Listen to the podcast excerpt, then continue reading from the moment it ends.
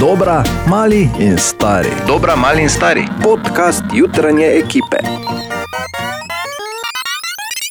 Kaj pa te tedni mimo, prejšnji teden, naj samo povem, da so muce plesale, oziroma miši plesale, zdaj pa je muca nazaj.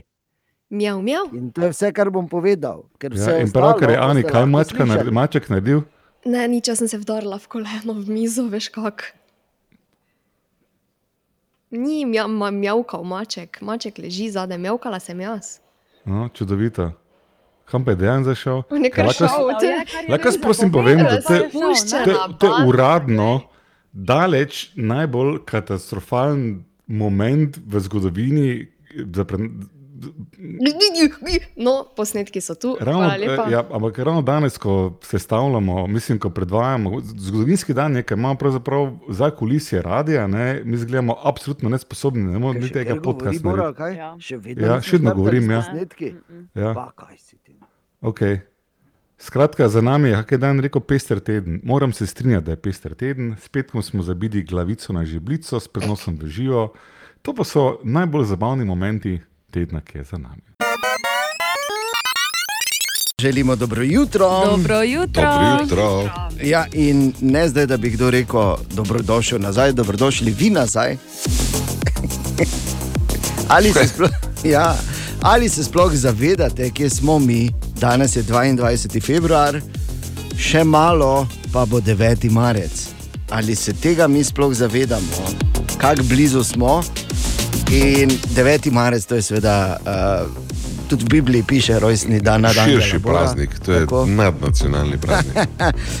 In ne samo to, jaz eh, tudi letos, to zdaj že upam na glas povedati po vseh teh letih, upam, da bo dovolil, da končno uh, material uh, preverijo z oglikovim izotopom 14, ker drugače, veš, papir vse prenese, bi mi pa radi točno starost vedeli. Pa dobro jutro. Dobro jutro. Dobro jutro. Jutro. Kaj pa to, to je dosežek. Jasmine Harrison je postala najmlajša, ki je preveslala Atlantik. 21 let je, v čovn se je vsedla na Kanarskih otokih in hop preko do Antigve v Karibih. 4800 km, 70 dni, sama v čovnu, brez motorja, tudi brez jader, samo vesla. O, Jezus. E- Eden od načinov, kako korona kile ne metne. Bi pa samo rekel to, da verjetno ni stvari, ki je ta ne bo dosegla v življenju, ker če to preveslaš, sam bolj fokus imaš. Uh, in tudi to, da nas je življenje marsikoga pripeljalo, smo morali marsikdaj sami veslati, če razumete, samo ne toliko, pa tako dolgo. To, to pa res preveč. tako da super, uh, zdaj pa zvonko in Mirko, glih tak super. Zvonko in Mirko. Zvonkec, kako veš, da ženski je do seksa, kakšne znake kaže? Ja, jaz vem, kakšni so znaki, ko je ni. Sprašujem te, kakšni so znaki, ko je. Ja, pa jaz vem, kakšni so, ko je ni. Kaj te vem, kakšni so znaki? Takrat je ni doma.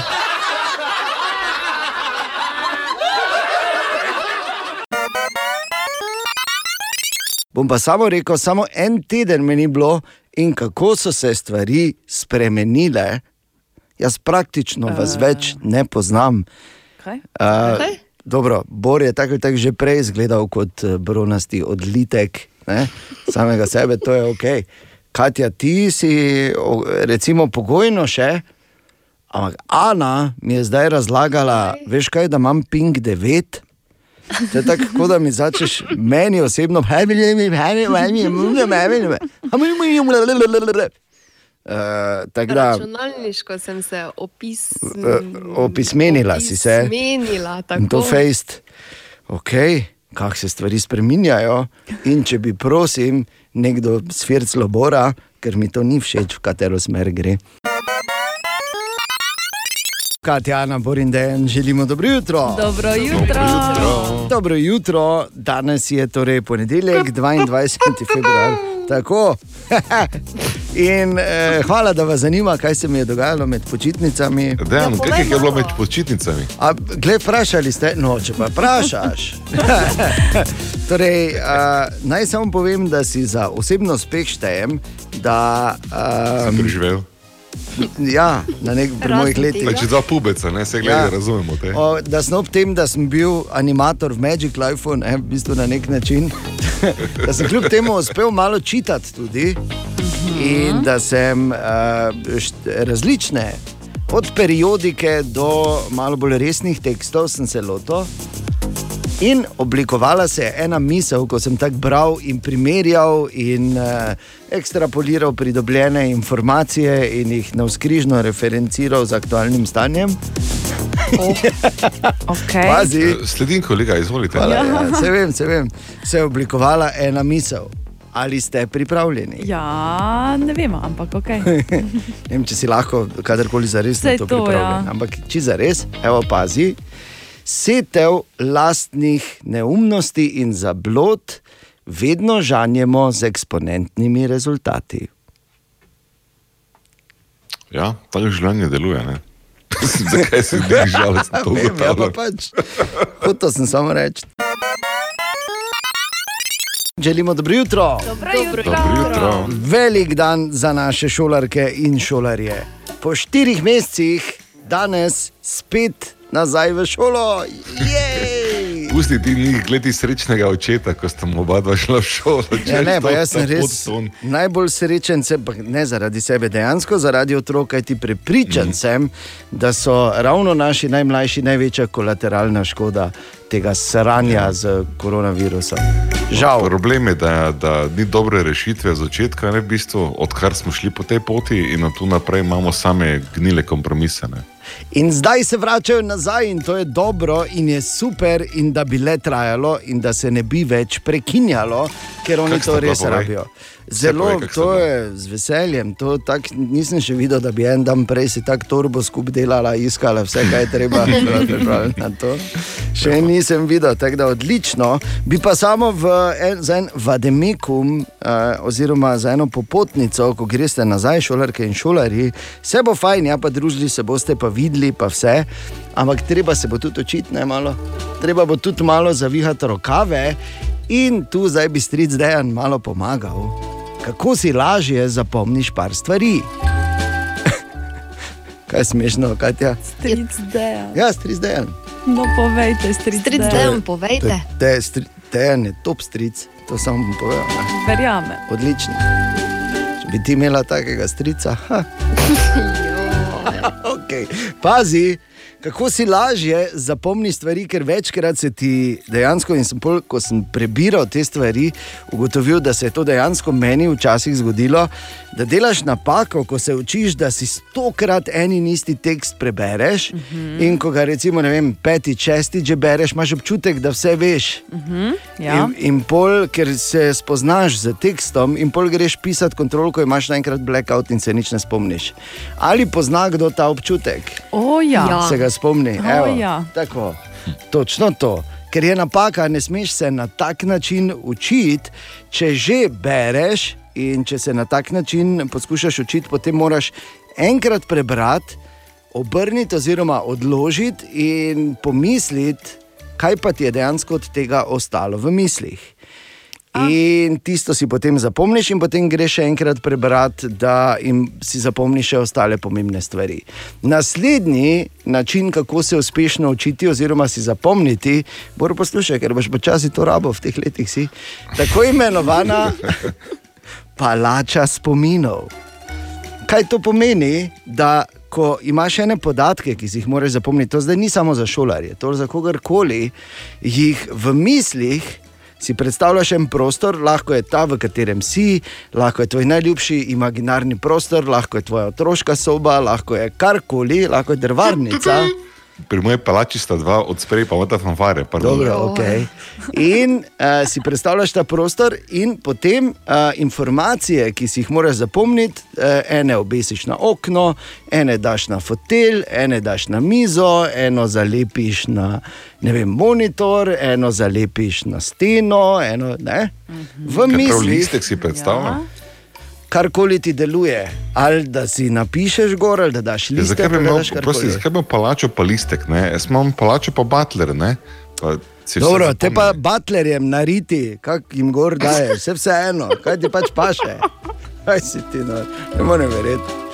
In eh, tudi na tak način si, si, si lažje zapomni stvari.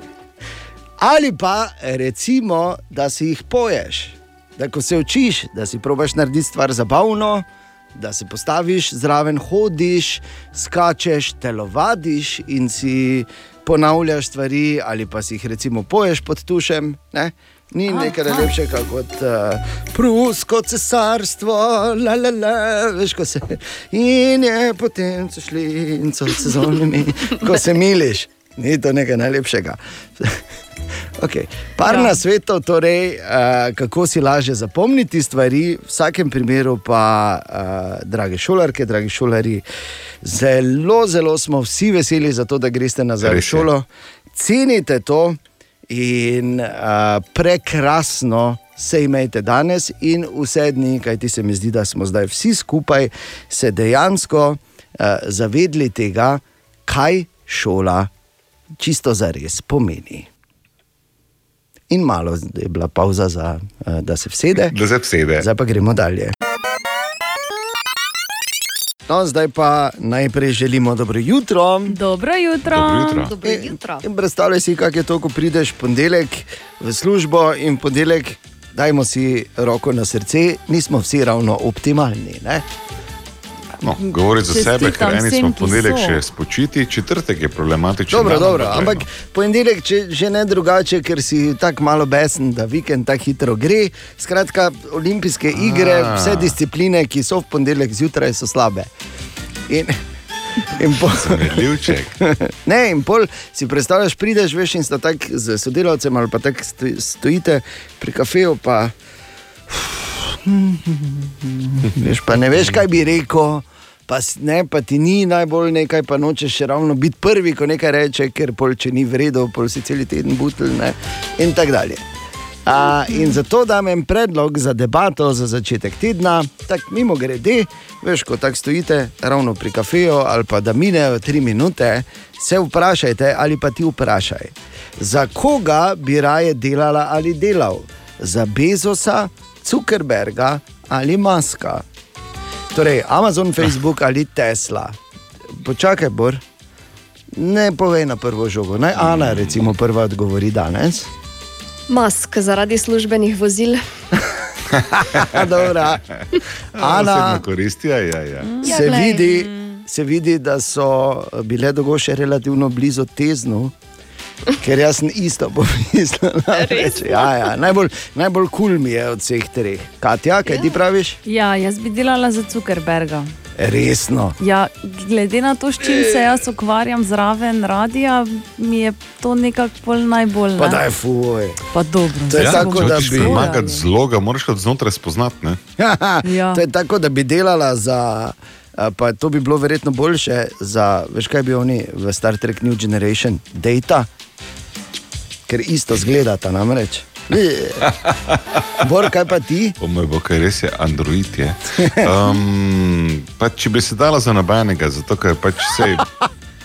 Ampak če bi moral izbirati, veš. če bi moral Če izbirati, res moram izbirati, potem pa verjetno masker je od treh zlobnih, mogoče ima najbolj daljnosežne cilje. Točno. Jaz bi bil v oddelku za Mars. Ne? okay.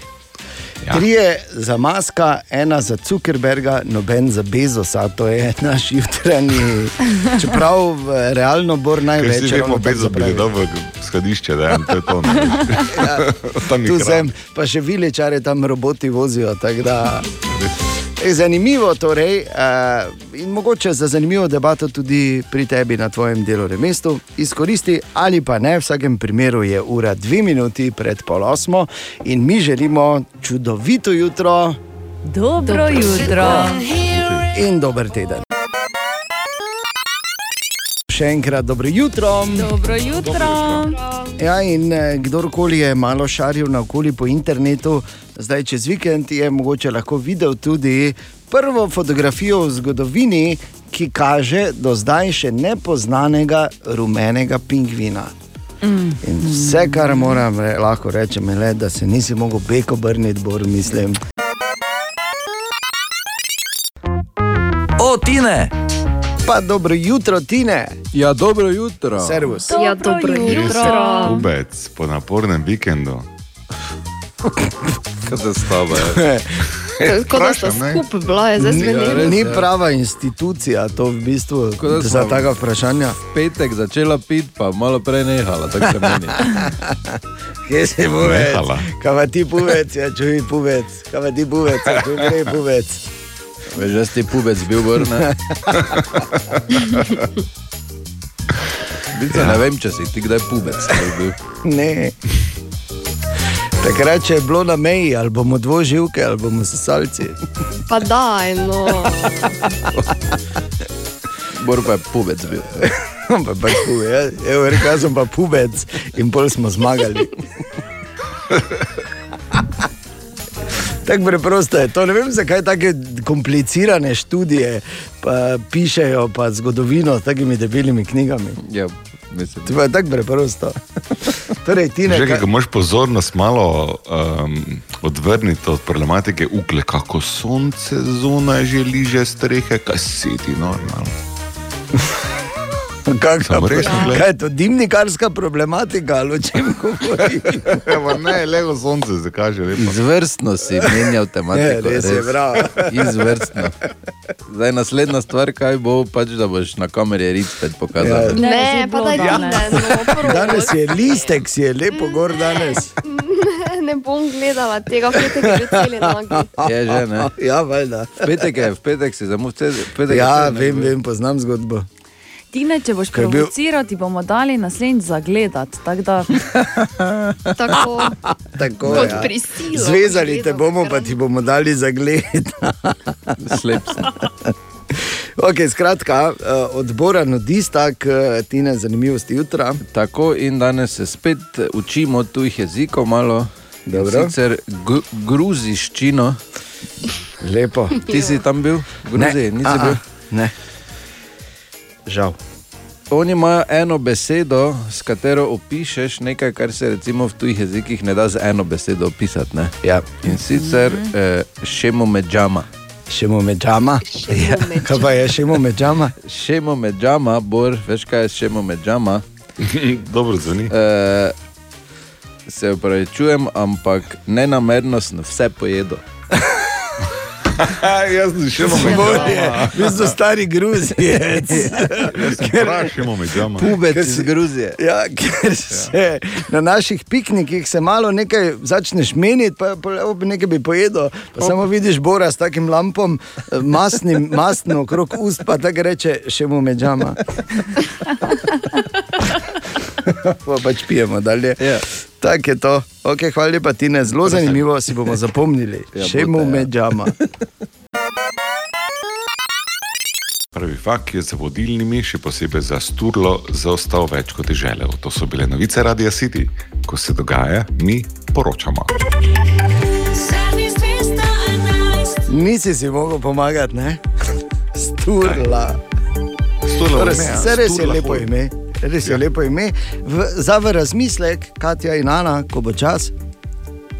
In bo Ne, imel, ne bo Sturla. in bo imel pipija, bi lahko bil sturla. In v novicah, sturla, grajner. Ne, samo povem, ne, ja, da tvoj predlog da, ni bil tako slab, ker Ne. sturla pomeni divji, nebrzdan. In recimo imamo v zgodovini mnoge primere uh, ljudi, ki so imeli to ime in so bili zelo ponosni. Recimo kot uh, Sturla Sigvardsson Ja. je bil na eden izmed eh, bolj znanih plemenskih vodij, sicer je umrl v boju, ampak je svoj vpliv izjemno razširil po uh, skandinavskem delu. Ok, vredo, vredo. Tako da ja, eno od teh imen, ki se, pač, ki se še prebijajo pri nas, ki bomo eh, imenovali. Ne samo, da želimo mi dobro jutro, dobro jutro, reče tudi naš El Primo novinar Matej Šova. Dobro Glej jutro. Dobro jutro. Ja, Matej je nazaj. Ja, Sama Matej- sreča. Ja, no, ne vem, no. ampak ja, ja. kako za koga. Uh, je pa Matej imel čas tudi malo se uh, pozanimati, kaj to vse pomeni, ta novi Bitcoin boom, ki ga letos doživljamo. Ne, uh, ne samo zaradi Ilona Maska, ampak tudi sicer zdaj vrednost Bitcoina je že presegla ceno zlata. Ne, tako da en kilogram zlata je zdaj že manj vreden kot Bitcoin in ne, gled, ne izgleda, kot da bi se vse skupaj zaustavilo. Ne. Kar seveda pomeni, na drugi strani ima dodatne posledice na porabi elektrike. Zakaj? Sveda, eh, ti vsi eh, računski, računske eh, operacije, ki jih računalniki po vsem svetu in ostali izvajajo, seveda z rodarjenjem, porabijo ogromno elektrike. In na Univerzi v Cambridgeu so izračunali, da Bitcoin na leto porabi več elektrike kot celotna Argentina. Recimo. 121,36 teravatnih ur elektrike na leto, medtem ko Argentina s 45 milijoni prebivalcev jih porabi 121 teravatnih ur. Da, kaj si ti no? To so kar take mega številke, ki si jih tudi težko predstavljamo, ne? ampak recimo to je ena taka primerjava, ki gre v uho. Na drugi strani ne, pa še ena taka zanimivost. Zdaj Tesla investira v bitcoine in eh, nekateri opozarjajo, ne, ki spremljajo celotno zadevo, da okay, Tesla dobiva približno milijardo in pol subvencij strani države za okoljevarstvo, na drugi strani pa. Bitcoini, eh, oziroma rodarjenje, porabljajo prav elektriko iz pretežno termoelektrarn. Kako gre to skupaj in ali bi mm. moral zaradi tega Musk vračati te subvencije? Tako da uh, ni to samo enostranska zgodba. Ne? Čeprav ja. je seveda ta hype, ki ga je tudi seveda Musk povzročil, zdaj uh, ne kaže, da bi se električna energija oziroma poraba kaj hitro zmešovala. Jaz bom samo rekel tako, glede na to, da so se na Muska mimo grede spravili večja kot si tarča bolj očitna si kot tarča. Kar recimo, kaj te je nana, dobro veste. 9 minut, če dobro jutro. dobro jutro. Čas. Da razkrijemo, koga smo to imeli skritega na naših družbenih omrežjih, kot vsako jutro, namreč tudi danes je Katja nekoga skrila in tudi danes je na mizi ena majica, ni nam lahko. In Katja. Ja. No, koga, koga smo skrila? Tako. Daj povej, da vidim, če sem imela prav. Ja, kaj misliš, povej? Ja, jaz mislim, da je Scarlett, samo nisem sigurna. Tako je, Scarlett Johansson Res? smo skrili oh, danes zjutraj. Ja, bravo, Ana. Jaz nisem imel blage veze, priznam še več. Ko je slišala moj poskus, ko sem rekel, kdo to je, je rekla: Tako je bilo žalostno, da si se jokala. In mislim, da bom zaključil. Okay, torej, Scarlett Johansson so vedeli. So vedeli, ja, no, veliko jih je vedelo, med njimi tudi Tina, Erjavičnik. Ja, bravo, Tina. In je majica ni nam lahko tu, in je začetek delovnega tedna tako lepši. Točno tako. In ne pozabi, spet bo Katja nekoga uh, skrila jutri zjutraj, tako da preveri tudi naša družbena omrežja. Tina, tebi pa čestitke čas za naš priljubljen jutranji segment, imenovan iz Porove Špajze. Por. Oh, ja, gledajte, danes je nekoliko kočljiva tema, ni sicer seksualna, ampak ni daleč od tega, mislim po kočljivosti, ne po vsebini, da je nazaj. In jaz se počutim prijetno, domače, varno, fino je, ne? Lepo, ja. Zdaj, najbolj enostavno bi bilo reči, da to je zato, ker sem jaz. Borgrajner v svoj špajzi, tako velik človek, tako nad zbadanjem, ali pa vsaj, da imam štokholmski sindrom ali nekaj takega. Ampak po drugi strani, veste, en malo globi razmislek, pa tudi nas pripelje do te enostavne misli za današnji ponedeljek. Ne gre pozabiti, da je v življenju biti bolje obdan z ljudmi, ki premikajo naš, nas ven iz cone obdobja, nas izzivajo in nam dovoljujejo tako, tudi z vlastno nesramnostjo, da rastemo. Vidiš? Če bi ti bil mali, bi ti bil tu dva metra, če ne bi mi dva skupaj 25 let delali. Ne, ti ne bi bilo žalostno. Se si videl, si zrasto. Želimo dobro jutro. Dobro jutro. Dobro jutro. Ja, pozdravljeni. Danes je torek, 23. februar.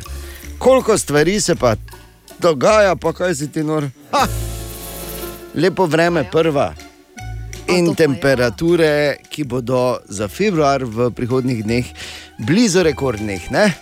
Ja, Čudovito. če ne celo rekordne. Če ne celo. In to do 20, koliko? 21. 21. Ja. Nekje sem prebral, da v določenih krajih lahko pričakujemo celo do 23-24 stopinj v določenih uh, legah. Ne? Je tam pri morju zagotovo. ne? Pri morju zagotovo. Pri morju Tako. tako In to je fajn, to je fajn tudi zaradi virusa, ker pravijo, da se eh, vse te kapljice, znotraj katerih vse ti mali hudiči, satani, svinski, nahajajo in jih mi trosimo okoli, hitreje v bistvu razkrojijo oziroma izhlapijo, plus, če si dosti zunaj. Eh, tudi je manjša možnost okužbe, ne? Mhm. ker je običajno imaš več placa, ne? ko se giblješ, Ja. si bolj zdrav, pa vse to. Ampak, ko rečemo gibanje zunaj, lepo vreme, ni samo lepo vreme in ni samo gibanje zunaj, te dni dobimo tudi eno pošiljko iz Sahare. Ne? Ja, edino, sem hrana reči, da v vsem tem eh, dobrem, kar si rekel, je to edina slaba novica, ker zaharski pesek pomeni tudi ogromno majhnih delcev, mi jim rečemo ja. tukaj PM10, ki pa niso ravno zdravju najbolj prijazni. Ja. Viš, ne more biti vse samo plus. Ne, Ja. ne more biti vse samo plus. Ampak, gled, kljub temu uh, je to, da pač prihajajo malo lepši dnevi po vsej tej, uh, bomo rekli, tako depresivni zimi, pa ne samo zaradi vremena, je enostavno super. Da se ne menimo o tem, da dobimo novi most čez zdravo bor, tako kot si rekel danes v novicah. Oziroma, samo 4 prvo. milijone. Poceni most dobimo, O tem ti govorim. poceni most. Ha! V akciji smo ga dobili. Nima veze s tem, da se je IKEA v Sloveniji odprla slučajno. Ja, ne vem. IKEA četrtek, most 225. Pa to ti pravim. Blizu, a ne dovolj. Pravim, ja, pa lahko bi bilo, ampak če je z IKEA, jaz ne grem sestavljati. Puj. V vsakem primeru pa v novem, poceni mostu, ki ga dobimo eh, v popotnico za en vademekom danes zjutraj, eh, ena lepa. Že pred leti, ko smo prvič o mostu govorili, samo takrat še nismo vedeli, da bo tako poceni. Tudi danes zjutraj je Katja nekoga skrila, oziroma imamo nekoga skritega, zahvaljujoč Kati, v, eh, oziroma na naših družbenih omrežjih. In moram reči, Katja, Ja. da zadnje dni slabo, slabo. Same take daješ, ko jih jaz ne prepoznam, to mi ni všeč. Vem zagotovo, da je danes moški. To je. Ja. To, imam, to, To- to je, to ne, je. moj plus. Ne. Uh, dalje pa vprašanje. Zato te prosim, poglej na naših družbenih omrežjih, reši to zagato, povej, koga imamo skritega, in tvoja bo vijolična marela oziroma vijolični dežnik Radia City. Ker zdaj pride pomlad, bo tudi kaj več dežja in bo prišlo prav v vsakem primeru tudi za odganjanje eh, vem, podivjanih muc, ki te napadajo. Ja, no, se veš, ko greš po muce, "Hr, hr", pa skočijo na te, "Ha", ne skrem, in je fajn, če imaš dežnik. Ne? To Fajn je je, metafora, ja. Katja. Ja, Na razumem. pošti so najbolj divje. Ja, re, re, re, re, veš, tako, ha, in te grabi, re, ja, kaj je, wa, wa. To, to so zvoki teh. Zanimivo ja. definicijo ima ta vidva. E, to so ti zvoki, teh muc, ki napadajo. Tako da uh, dežnik bo prav prišel v vseh pogledih, če seveda ugotoviš, koga imamo skritega danes na družbenih omrežjih. Izvoli. Web, web, web check. Kaj se takega da prebrati, oziroma kaj je aktualno danes zjutraj na eh, družbenih omrežjih na internetu, Katja? Dobro jutro. Jutro. Duet. Daft Punk eh, sta se po 28 letih ustvarjanja, torej skupnega ustvarjanja glasbe, odločila upokojiti. Daft Punk gre ta v penzijo Ja, s temi ne. svojimi čeladami. Poslušaj, Ne takoj bomo- piši. Slovenska ulica 35. Saint- Dobro zapakiraj, gorda je lomljivo. Ja, Obe dve. Helmets. Ne gre, Ja, mislim, da, ne, drugače mi čeladami ker- glavna. Poslušaj, kako sta napovedala to upokojitev. V bistvu sta posnela video posnetek, uh, imenovan epilog. In uh, v tem posnetku hodita po puščavi in eden od njiju se razstreli, tako da je samo ena, še. Veš, tako bi morali- Eno čelado ne pošljete, čim prej. Ko mi ne bomo zjutraj več poštišal borbo v ščavi. Če me razumeš. ne, ampak izjemni, izjemni komadi od Daft Punka, eh, Daft Punka no, v preteklih desetletjih. To je en taki, ali pa recimo ta s Farelom Williamsom. She's up all night to the sun. I'm up all night to get some. She's up all night for good fun. I'm up all night to get lucky. Ali pa še eden zadnjih hitov skupaj z The Weekndom, I Feel It Coming.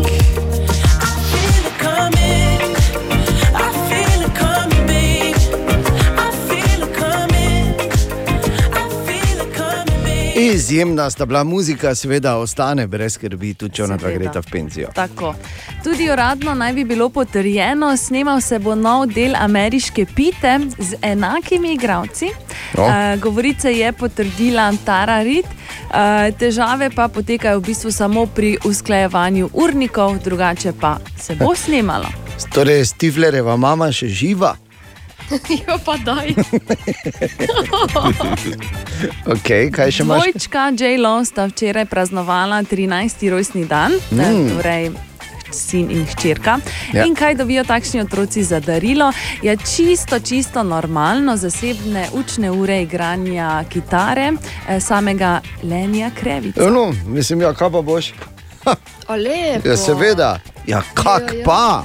Ja, kak pa Ja, no, mislim, kdo pa bo te učil? Ja, ne, A pa saj- če bi se hoteli učiti žonglirati, bi mogel Ronaldo priti za rojstni dan. Tako, ne, ja, to- recimo. Kako si pa zdaj pokvaril presenečenje za prihodne leta? Okay. In pa rover, ki je pristal na Marsu, je poslal najnovejše video in tudi audio posnetke. In tako zveni Mars. O, prisluhnimo.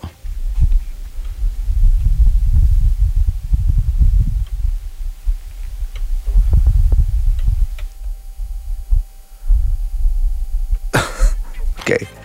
Piha, Ni glih- V bistvu je tiho, samo da spektakularno. Tako zadaj, ne vem, če si slišal, ra, ra. Ja, pa ja. Muce, ra, ki napadajo, ra. Šle gor. Webcheck.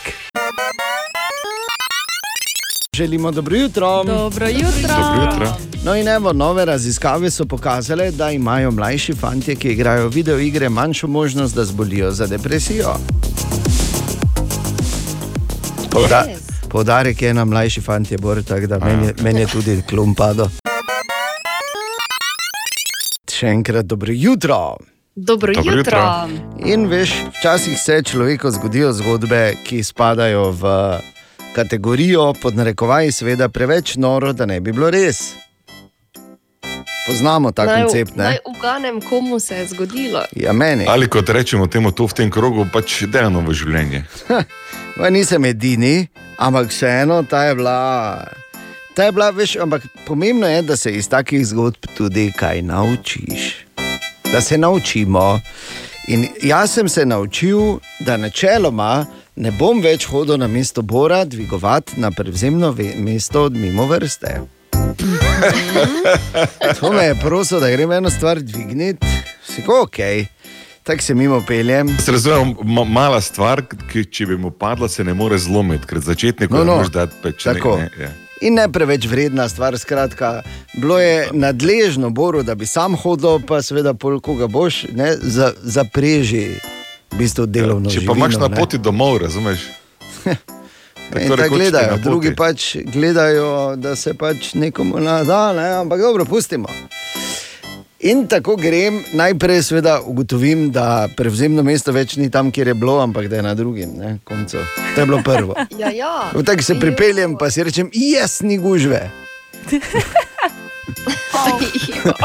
Zabolela me je, zdaj Ja. podobim.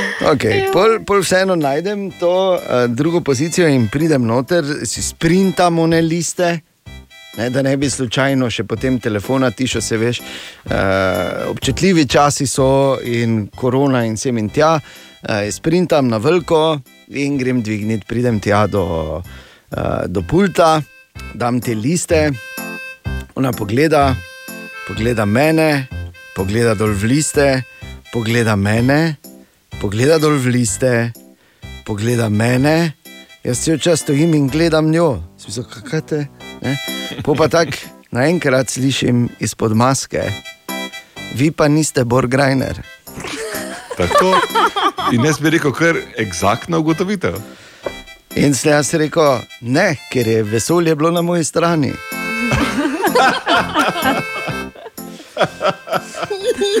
Na kar je Sovna rekla, ja, ne, se rekel jaz tudi, ja, kaj bo mogel sam priti ali kaj. Ja, ne, ne, mislim, ampak a, načeloma se to ne počne in se jim tja, in pol sem že mislil, dobro. No. Se pa te nisem prišel dvigniti plutonija, ampak sem prišel dvigniti neko podlogo, ki stane, ne vem, 12 evrov. Halo, lahko prosim, mi date to. 13,70 evrov. Pa dobro, no, za evro 70 sem se zmotil. Če bi lahko, te prosim, ker smo že vse scenarije smo v glavi, kaj ga bom klical, kako bom rekel, naj si sam pride, kako bom kar tu vse skupaj pustil, pa bom rekel, ne ona ima. Vse možne scenarije sem imel v glavi. No, skratka, pol sem dobil, ampak uh, nauk te zgodbe je, če bi ga morali uh, izluščiti. No, ja, vas sprašujem, Ja, vas da res nikoli v sprašujem. življenju ne greš več nič boru iskati. Ja. A, ja, a to so vaši nauki, ker sem samo enega. Glejte, dragi moji, ni vsak Borgrajner. ja, in tudi to mene ni prepoznala, kar, kar seveda ne čudi. Sploh z masko sem čist drugi, 1,85 m pa sloki. A, ampak, Vseeno, lahko še malo pozdraviti. ampak razen tega bi pa samo eno drugo stvar še povedal, da me ne čudi, da ve, kdo je Bor, ne, pa da ne ve, kdo sem jaz, ker jaz se ne kažem, Bor pa je enkrat dobo 8 mesecev pogojno. Dobro jutro. Dobro jutro. Dobro jutro. Uh, smo v avtih danes zjutraj, smo ne. Verjetno marsikdo danes zjutraj, ta trenutek v avtomobilu, ali pa pač si bil ali bila v avtomobilu že danes zjutraj. Uh, varno pot in srečen prihod na cilj, to želimo, varen, srečen prihod. Ja, bodite srečni, ko pridete na cilj. Ha, ha, tako, juhu, ha, ha, pri- je, zobo zdravnik, ta. Ne, nisem to mislil. Hotel sem povedati eno drugo stvar. Da, um, to je raziskava, ki so jo naredili v Evropski uniji in pravi, da velika večina, velika večina, torej več kot 70 odstotkov vseh, ki se vozijo, ki imajo svoj avto, se z avtom tudi pogovarjajo. In uh, še pod ali ne te raziskave, 20 odstotkov vseh lastnikov avtomobilov tudi res skrbijo čustva njihovega avta in počutje. Ne? Preveč informacij Ja, je bilo ja, tu ja, ja. Okay. Dobro, glej, O, čakaj, jaz priznam, da se pogovarjam ja. z avtom. Ja, to se, tudi, sploh ko sem ja. sam not, ne? Ja, Rad. Ja. Ti Sam tudi, s Katja? sabo Ja? Ne, z avtom. Ja, kak pa te, ja, bravo. Armaturko noter govori. Ne, ja. vozim normalno, ampak mu povem, ne rečem, ja, bravo, jo, kak si pa to šel, ne, ja, pa, kak, se, kak pa mi dva gremo, veš, tako se malo Jaz sem pričal pohvalim. tudi, ko je z roko božal armaturko, da ga samo da govori. Jaz imam rad, ne? jaz moram reči, moraš, moraš si želeti stvari, ki jih imaš, ne? ne pa da te življenje zasipuje stvarmi, ki jih ne želiš imeti. Ne? Ja, ne, meni se to zdi čisto normalno, jaz ga tudi vsako jutro No, evo, pozdravim. tako zdravo Jaz se se meni gremo. mačko pa z rožami. tako da sem- No, evo, pa ne, tako da pa ni z avtom zraven, kaj te. Ampak 20 odstotkov vseh pa tudi za res skrbijo čustva avtomobila, to pa moram reči, da sem jaz v njih 80 odstotkih. ne. Ja, jaz tudi. Ja, mislim, joj. Uh, je pa res, po drugi strani, eh, to so recimo mi dva s Katijo. Pri Ani je tako, da me je strah, ker je njen pižo samo malo mlajši od Bora, pri Boru Ja, pa me strah, pri, pa me je Jo. strah za vse, ko se on sede za volan, to pa, to pa drži. Aktualne jutranje informacije, najprej vreme. Jasno je že v Mariboru, dve stopinji imamo izmerjeni, danes eh, lepo in jasno vreme ostaja čez celoten dan z najvišjimi temperaturami vse do 21, sto, eh, do 19 stopinj, pardon, do 19. Kak si pa to zdaj? Kaha lažnivka. Pa če sem se Sli- takoj Ste popravila. slišali to? Alen Borš? Včeraj je bilo 18, Kako jaz sem bil na soncu, pa se je zdelo 25, tako da ni je daleč od ja, resnice. ja. Samo kako Ne, se ne tako laže. Sonce je oprlo v pa- trikotnik, no, da Kaj vidva sta si v žlahti? Kak te brani? Hoče na drugo, na drugo temo speljati ne? To vodo, medtem ko jaz opozarjam, da se Katja laže. Vrci za kavo, ne, Veš, kako laže? Jaz ne Laže rekel, kot "Daj, a sem pes teče." Jaz sem dal dol, ker je tako toplo, da brez veze. Gonijo laže kot pes, majici s kratkimi Dobro. rokavami. Ok, ok, ok. okay. O, Tine! Ja, glej ga, Tineta, dobro jutro. Ja, dobro jutro. Ja, Eh, dobro zdravo, jutro. Tine. Dobro jutro. Zdravo, zdravo, zdravo. Pozdravljen z Zdravo, biciklom. zdravo, zdravo. zdravo, zdravo. Trikrat zdravo to za vrsta nasprotno ekipo, zbora. tri, štiri. Zdravo, zdravo. zdravo. Zdrav, zdrav. To je bilo pred, predno smo med dvema ognjema igrali. Kaj pa Med dvema ognjema je? tudi. Kaj te zborom? je? Ja, ja.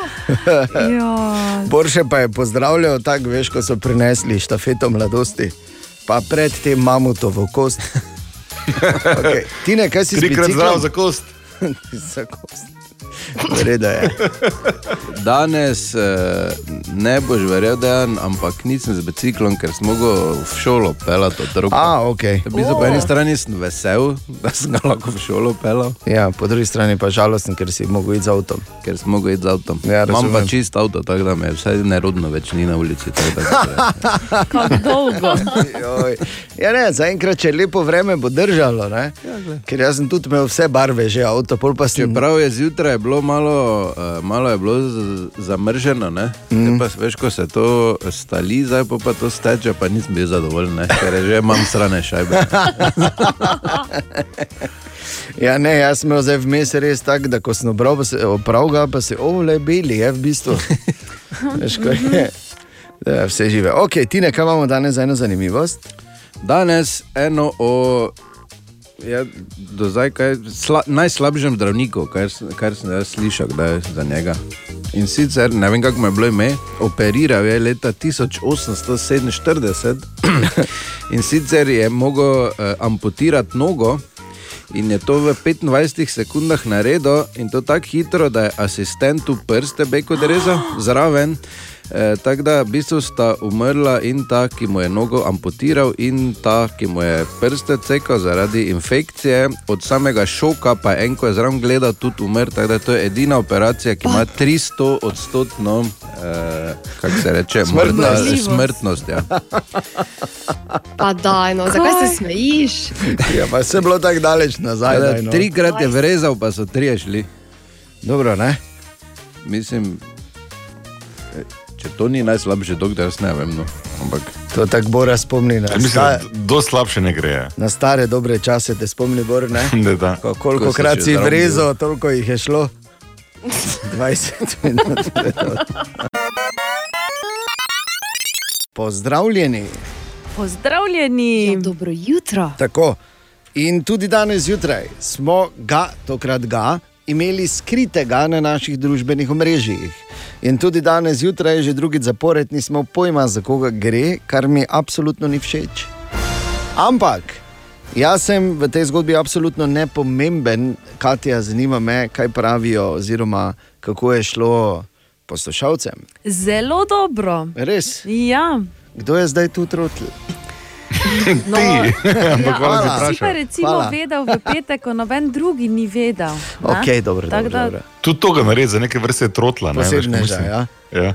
Torej, Katja, koga smo imeli danes skritega? Danes smo skrivali Justina Timberlakea. Te je to bil Justin Timberlake, pa daj prosim te, ker to je neka slika z osnovne šole, bla, ali kaj. Če je to z njegovega zadnjega intervjuja.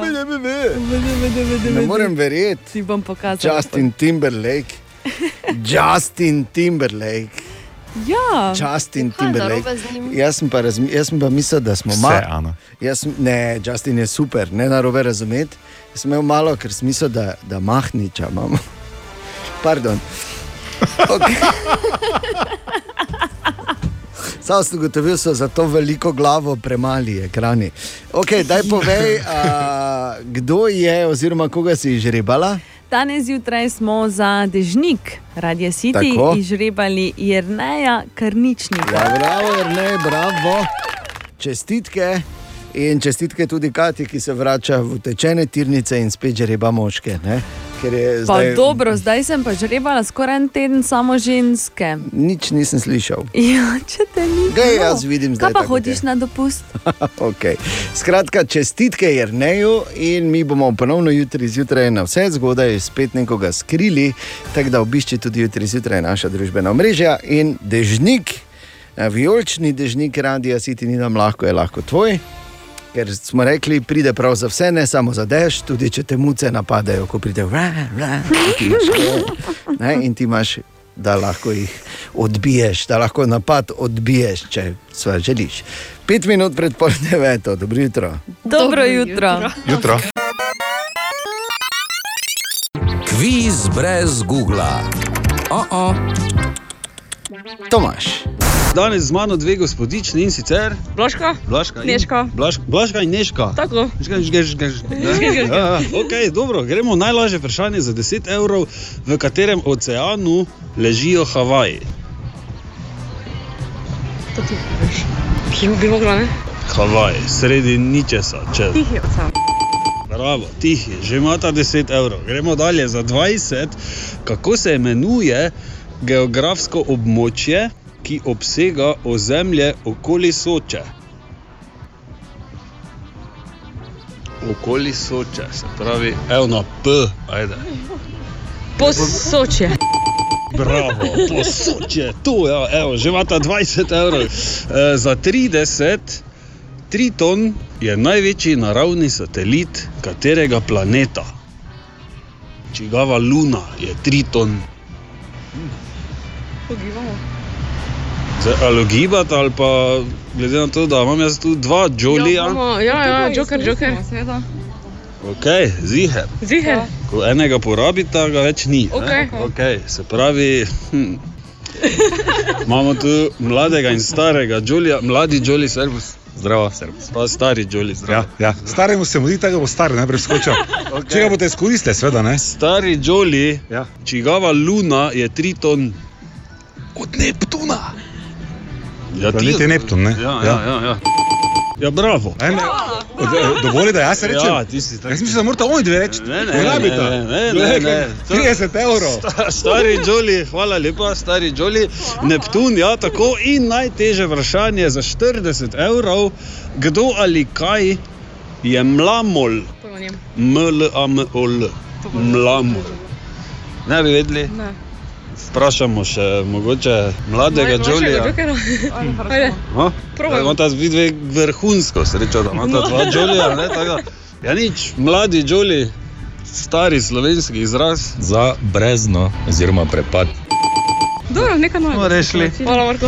Ja, 40 evrov, čestitke, Ja, no, čestitke. Tvoj stari Joli. Ne, Mladi Joli, vsaka čast. to bo bravo, stari. Ne, bravo, bravo. Še to. Okay, hvala vama za igro, pa lep dan, no, adijo. Adijo. Stari Joli. Pa poslušaj, mladi John Niko tak, jaz nisem vedel, kaj je mlamal. Ja, no, vprašanje, če bi on vedel za tri pa, tone, ampak Jaz pa sem vedel, kaj je mlamol, samo ni bilo prav. Ker jaz sem rekel, ko je vprašal, kaj je mlamol, sem rekel, erjavčev mramor. Kviz brez Google. Oh -oh. Servis 211 z aktualnimi temperaturami v Mariboru 4 stopinje, 6 jih imate v celju, 3 na tuju. Ja, gospa. Bo. Gospa, povejte, gospa, vse je v redu. Ja. Da mi boš ti zgraba pa povej, čez kako cesto si. pelal, Pa če- da, ne bo, da se ne bo spotaknila. Torej, Ok, ja, bo. želimo dobro jutro. Dobro jutro. Dobro jutro. Jaz bi samo rekel tako, glede na splošno situacijo, globalno gledano, uh, in kje človeštvo je ta trenutek, in kako temne so napovedi, kam gremo. Kaj pa smo pričakovali, ena prvih umetniških upodobitev v zgodovini človeštva, govorimo seveda o poslikavah v jamah, je, Mhm. je svinja v naravni velikosti. Dobro jutro. Dobro jutro. Dobro jutro. Dobro jutro. Ja, pa je dobro jutro. Jutro. Ne, prezgodaj je, da bi lahko komentirali. Še, ja, kak, kak komu. Komentirali kaj, Ana? Ker Vse, mi v našem okolju je dovolj za to, da človek se zbudi in kako reče. Recimo, topleje je danes kot včeraj.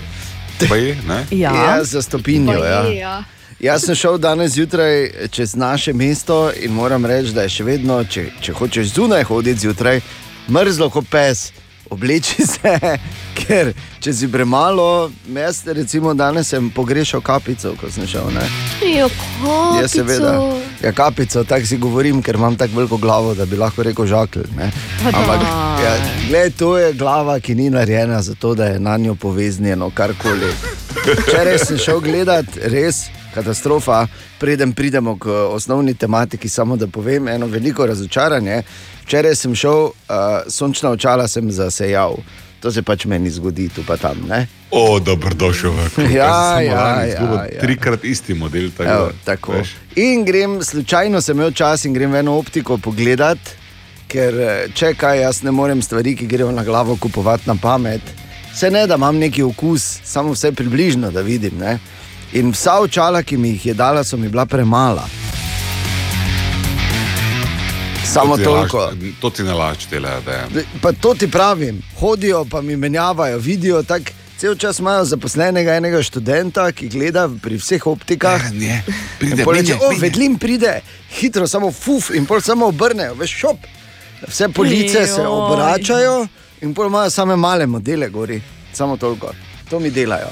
Ampak eh, to ni eh, največja težava, mislim, največja težava, oziroma tema pogovora številka ena, ampak je blizu na drugem mestu. Na prvem zagotovo to, kar se je zgodilo v Enka Mariboru včeraj pozno zvečer. Ko, je, eh, ko so se zgodili tektonski premiki, ki pa jih moram reči, vsaj malo sem jih eh, tudi osebno Slutil. pričakoval. Ja. Mm. Pričakoval tudi zato, eh, kar se je dogajalo in ker pač seveda spremljam vse tekme Maribora, ne samo zaradi službene dožnosti, ampak tudi drugače in sicer. Uh, je bil nek tak občutek, nisem vedel sicer, da bo to šlo v takem kompletu, da se bo zamenjal tudi športni direktor, ampak objektivno je seveda potrebno prevzeti odgovornost in tu zdaj govorim predvsem o upravnem odboru, kajti ostali je očitno niso ali pa niso znali ali zmogli. In uh, verjamem, da je to odločitev, ki je v interesu eh, našega kluba, ker eh, pasti na neko. Na neki apatični nivo, ko pač, ja, no, vse, zdaj pa, če smo zmagali, smo, če smo dobili kakšno točko, smo, če nismo, pač nismo, kaj češ. To ni Maribor. Tako. Oziroma z modrostjo Hugha Hefnerja, ko ne gre, menjaš. Ja, samo on je govoril za ledvico, pa jajco, ne, verjetno. Ne. Ampak uh, spet je, uh, je pa seveda tu uh, ogromno vprašanj, ki se odpirajo, kaj to pomeni zdaj. To je seveda prvo vprašanje. Uh, ali je pametno to narediti dan pred tekmo in to tako gostovanje, kot je v Sežani danes, kjer eh, smo na zadnjih dveh dobili po štiri komade. Seveda tudi z neposrednim prenosom na Radio City tekma se začne zelo hitro, že ob pol dveh v bistvu. Uh, in pa, uh, seveda, kdo bo zdaj stopil v te, kdo bo sedel na ta vroč stol, zdaj na mesto športnega direktorja, se je že našla rešitev in sicer Marko Šuler, se mi zdi od uh, vseh kandidatov, ki bi se morda tu ponujali, uh, še najprimernejši in mu seveda želimo veliko uspeha. Uh, in sreče, ker bo oboje, seveda, rabo, če, če bo Ja, hotel ostati v službi. Uh, in pa seveda čakamo na informacijo, kdo bo novi trener. Danes bo, je gotovo to, da bo ekipo vodil Saša Gajser. In uh, jaz še enkrat pravim, uh, ali zdaj je kdo zaskrbljen, ali kdo čuti olajšanje. Uh, moramo vedeti, zagotovo je do te odločitve prišlo v, uh, v imenu uh, dobrega razmišljanja o prihodnosti našega kluba. In, uh, samo zato, da bi, ker bo vedno ostalo Maribor, Šampion. Točno tako. Medtem, ko ti normalno si, ne vem, uh, čistiš kožo, kot se to običajno dela zgodaj zjutraj. Ješ kruh z zaseko in česnom za zajtrk, ali pa karkoli že počneš, kar je relativno normalno, imaš srečo, da se ne zavedaš, da po našem osončju morda kroži grozeča nevarnost v podobi planeta, za katerega astronomi menijo, da je, noben pa še ga ni našo. Reče se mu planet 9. Je tako, David? In znanost je mnenja, da je izjemno masiven, pa ga kljub temu do danes še nismo zaznali. Obstajajo teorije, da okoli nas kroži celo ena mini črna luknja v velikosti nogometne žoge. Ampak dobro, lepo po vrsti, da bomo razumeli, zakaj se sploh domneva, da to telo obstaja. Lov na planet 9 ima že kar lepo zgodovino. Astronom Herschel je leta 1782 odkril planet Uran in potem so pri opazovanju njegove orbite ugotovili, da se pojavljajo nekatere nepravilnosti in so tako sklepali, da mora obstajati še nekaj tam zunaj, kar vpliva na krožnico Urana. Na to so našli planet Neptun in ugotovili enako, nekaj večjega tam zunaj vpliva na krožnico. Potem so našli planet Pluton, ki je postal ta planet 9, ampak malo ugotovili, da je dokaj miniaturen glede na ostale planete in da ne more vplivati on na to krožnico. Leta 2006 so ga potem celo degradirali v pritlikavi planet. In uh, Kuiper, astronom Kuiper, je odkril, da je za Neptunom ena cela kupica teles, ki jih danes imenujemo Kuiperjev pas in da je Pluton le eno od teh teles in vsa se gibljajo v nekako nepravilni orbiti. Planet 9 tako še vedno ostaja neznanka oziroma pa smo spet tam. Ja, kaj pravi znanost, David? Ja, s teleskopi ga še nismo zaznali, imamo pa dve metodi, ki se ga trudita razložiti: metodi Brown in Batigin, več pa profesor Igor Žiberna. kaže na to, da bi ta eh, planet 9 bil sorazmerno velik, naj bi imel okoli eh, 10 mas Zemlje ne, in ter tam 2 do 4 krat večji od Zemlje. Torej, zanesljivo bi šlo za neko telo, ki bi ga v, lahko uvrstili med planete. Zdaj, glede na uh, razmerje med maso in volumnom, bi lahko sklepali, torej, da gre za verjetno enega od plinskih velikanov, se pravi, da gre verjetno za nek planet, ki ima podobne karakteristike kot vsi ti veliki planeti, plinski planeti, ne, torej eh, Jupiter, Saturn, Uran in pa Neptun. No, ampak nekaj je zanimivo, obhodna doba tega planeta 9 bi naj bila tam od 10 do 20 tisoč let. Torej, ta planet potrebuje za pot okoli Sonca toliko časa, kot je minilo od zadnje ledene dobe na Zemlji. Ali pa še več. To je pa tudi razlog, zakaj ga še nismo opazili. Tako eh, Brown kot Batigin sklepata, da je temu mogoče zato, ker je to telo v odsončju, se pravi zelo oddaljeno od Sonca in takrat se giblje po drugem Keplerjevem zakonu zelo počasi. Ne? Torej, ko so telesa pri, na svojih spuščenih orbitah bolj oddaljeni od matične zvezde, je njihovo gibanje upočasnjeno. To ne nazadnje poznamo tudi pri recimo Zemlji. Ne? Recimo posledica tega drugega Keplerjevega zakona je mimo grede to, da so letni časi različno dolgi. Ne? Torej, na severni poluti sta pomlad in pa poletje nekoliko daljša kot pa jesen in pa zima. Tako da, ja, zdaj te dni, ko je nebo nad Štajersko dokaj jasno, se po noči lahko zreš malo gor in se zamisliš, kaj vse obstaja relativno pred nosom, pa tega ne vemo. Ena stvar pa še, David, ki me je zmotila, ta nogometna žoga v obliki črne luknje v našem osončju. Halo?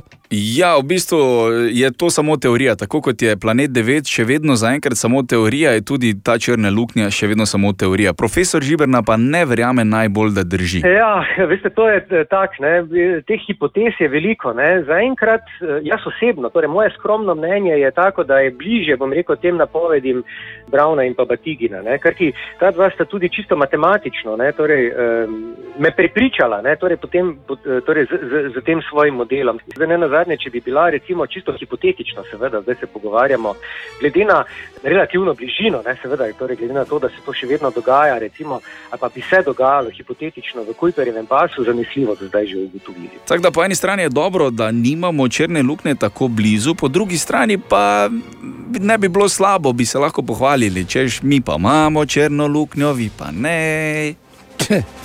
Jaz mislim, da črna luknja ni nekaj, s čimer bi se hvalili. Sploh eh, zato, ker je tako močna, da potegne noč vse še svetlobo. Edino borbi bi lahko zunaj ostal. Ker stara resnica je, ki je, ni, ki je nista dokazala Brown in Batigin, in sicer, da črna luknja zavrača staro.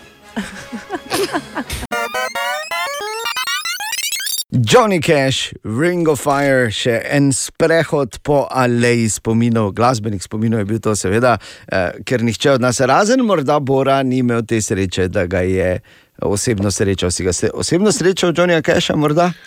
Uh, veš, ko se tako mnogi sprašujejo, kdo je res napisal Ring of Fire. Ne? A, To je kar odprta zgodba. Vsi vemo v filmu, to je odprta zgodba.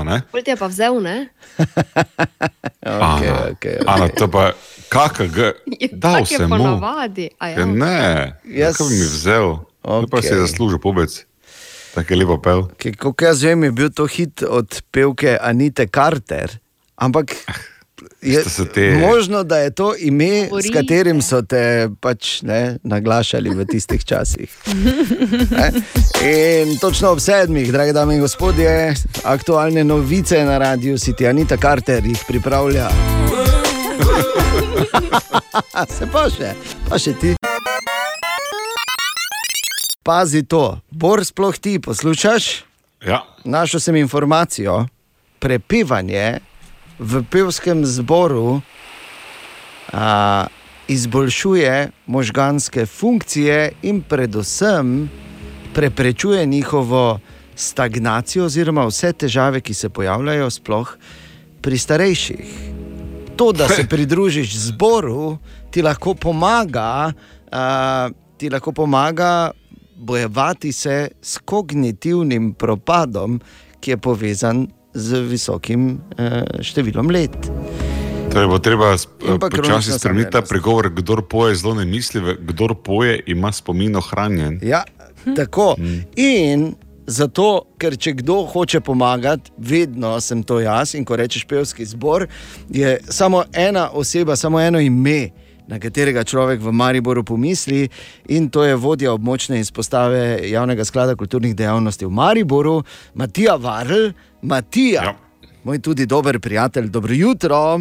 Dobro jutro. Torej, eh, Matija, dej, eh, povej najprej, koliko je pravzaprav vseh pevskih zborov v Sloveniji? Pevske zbore je zelo težko prešteti, da bi rekli, koliko je v tem trenutku aktivnih, mm. ampak imamo pa neko oceno. Vemo, da, zbor, da se pevski zbori začnejo tam že v predšolskem obdobju, v vrtcih že otroci prepevajo, mm. uh, potem pa v osnovni šoli, seveda srednji šoli, potem so še odrasli zbori in še potem pevski zbori eh, tretjega življenjskega obdobja.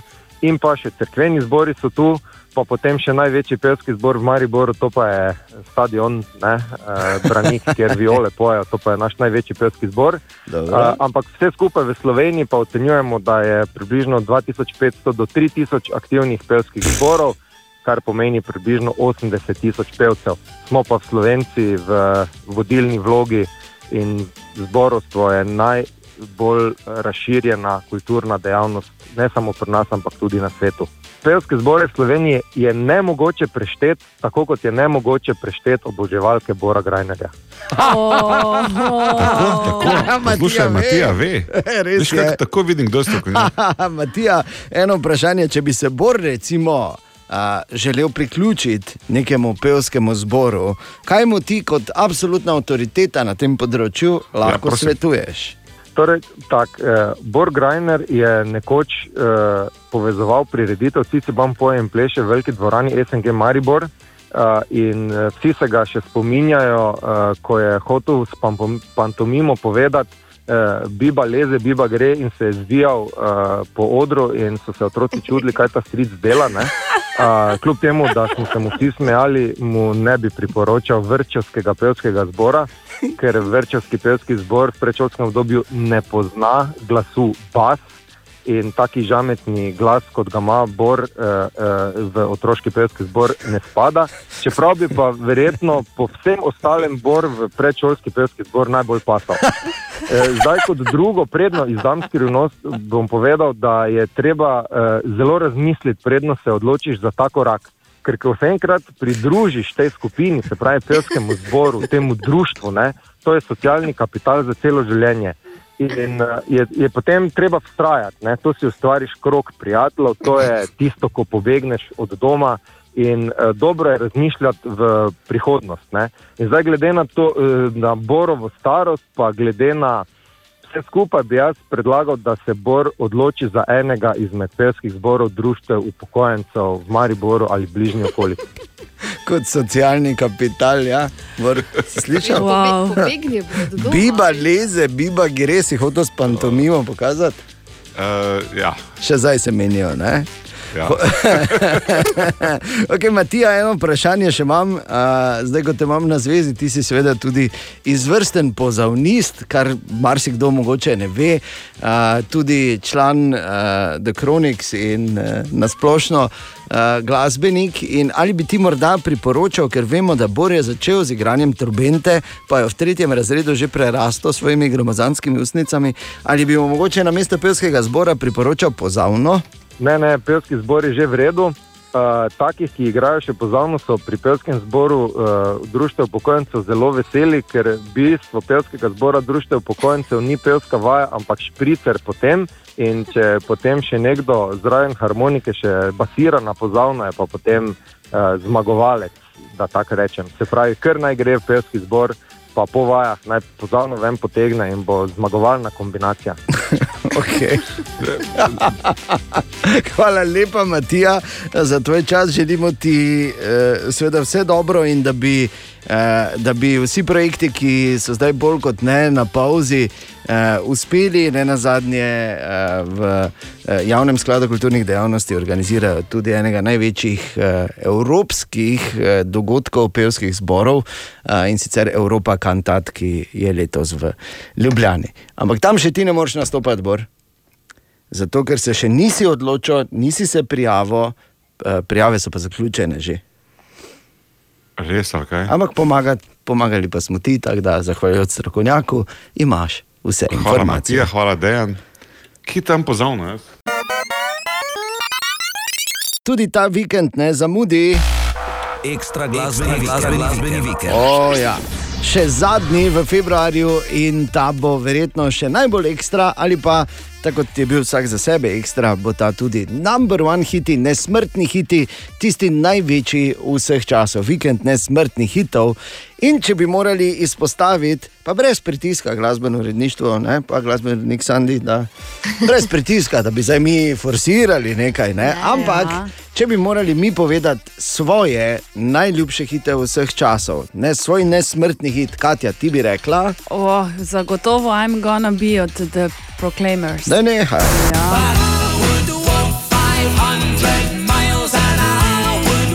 Ali si vedela, da dejansko v času, kot uh, traja ta pesem, Ja. vesoljska, mednarodna vesoljska postaja uh, prepotuje 500 miles, Res, and ne? then 500 miles more. Ne? Svetovno.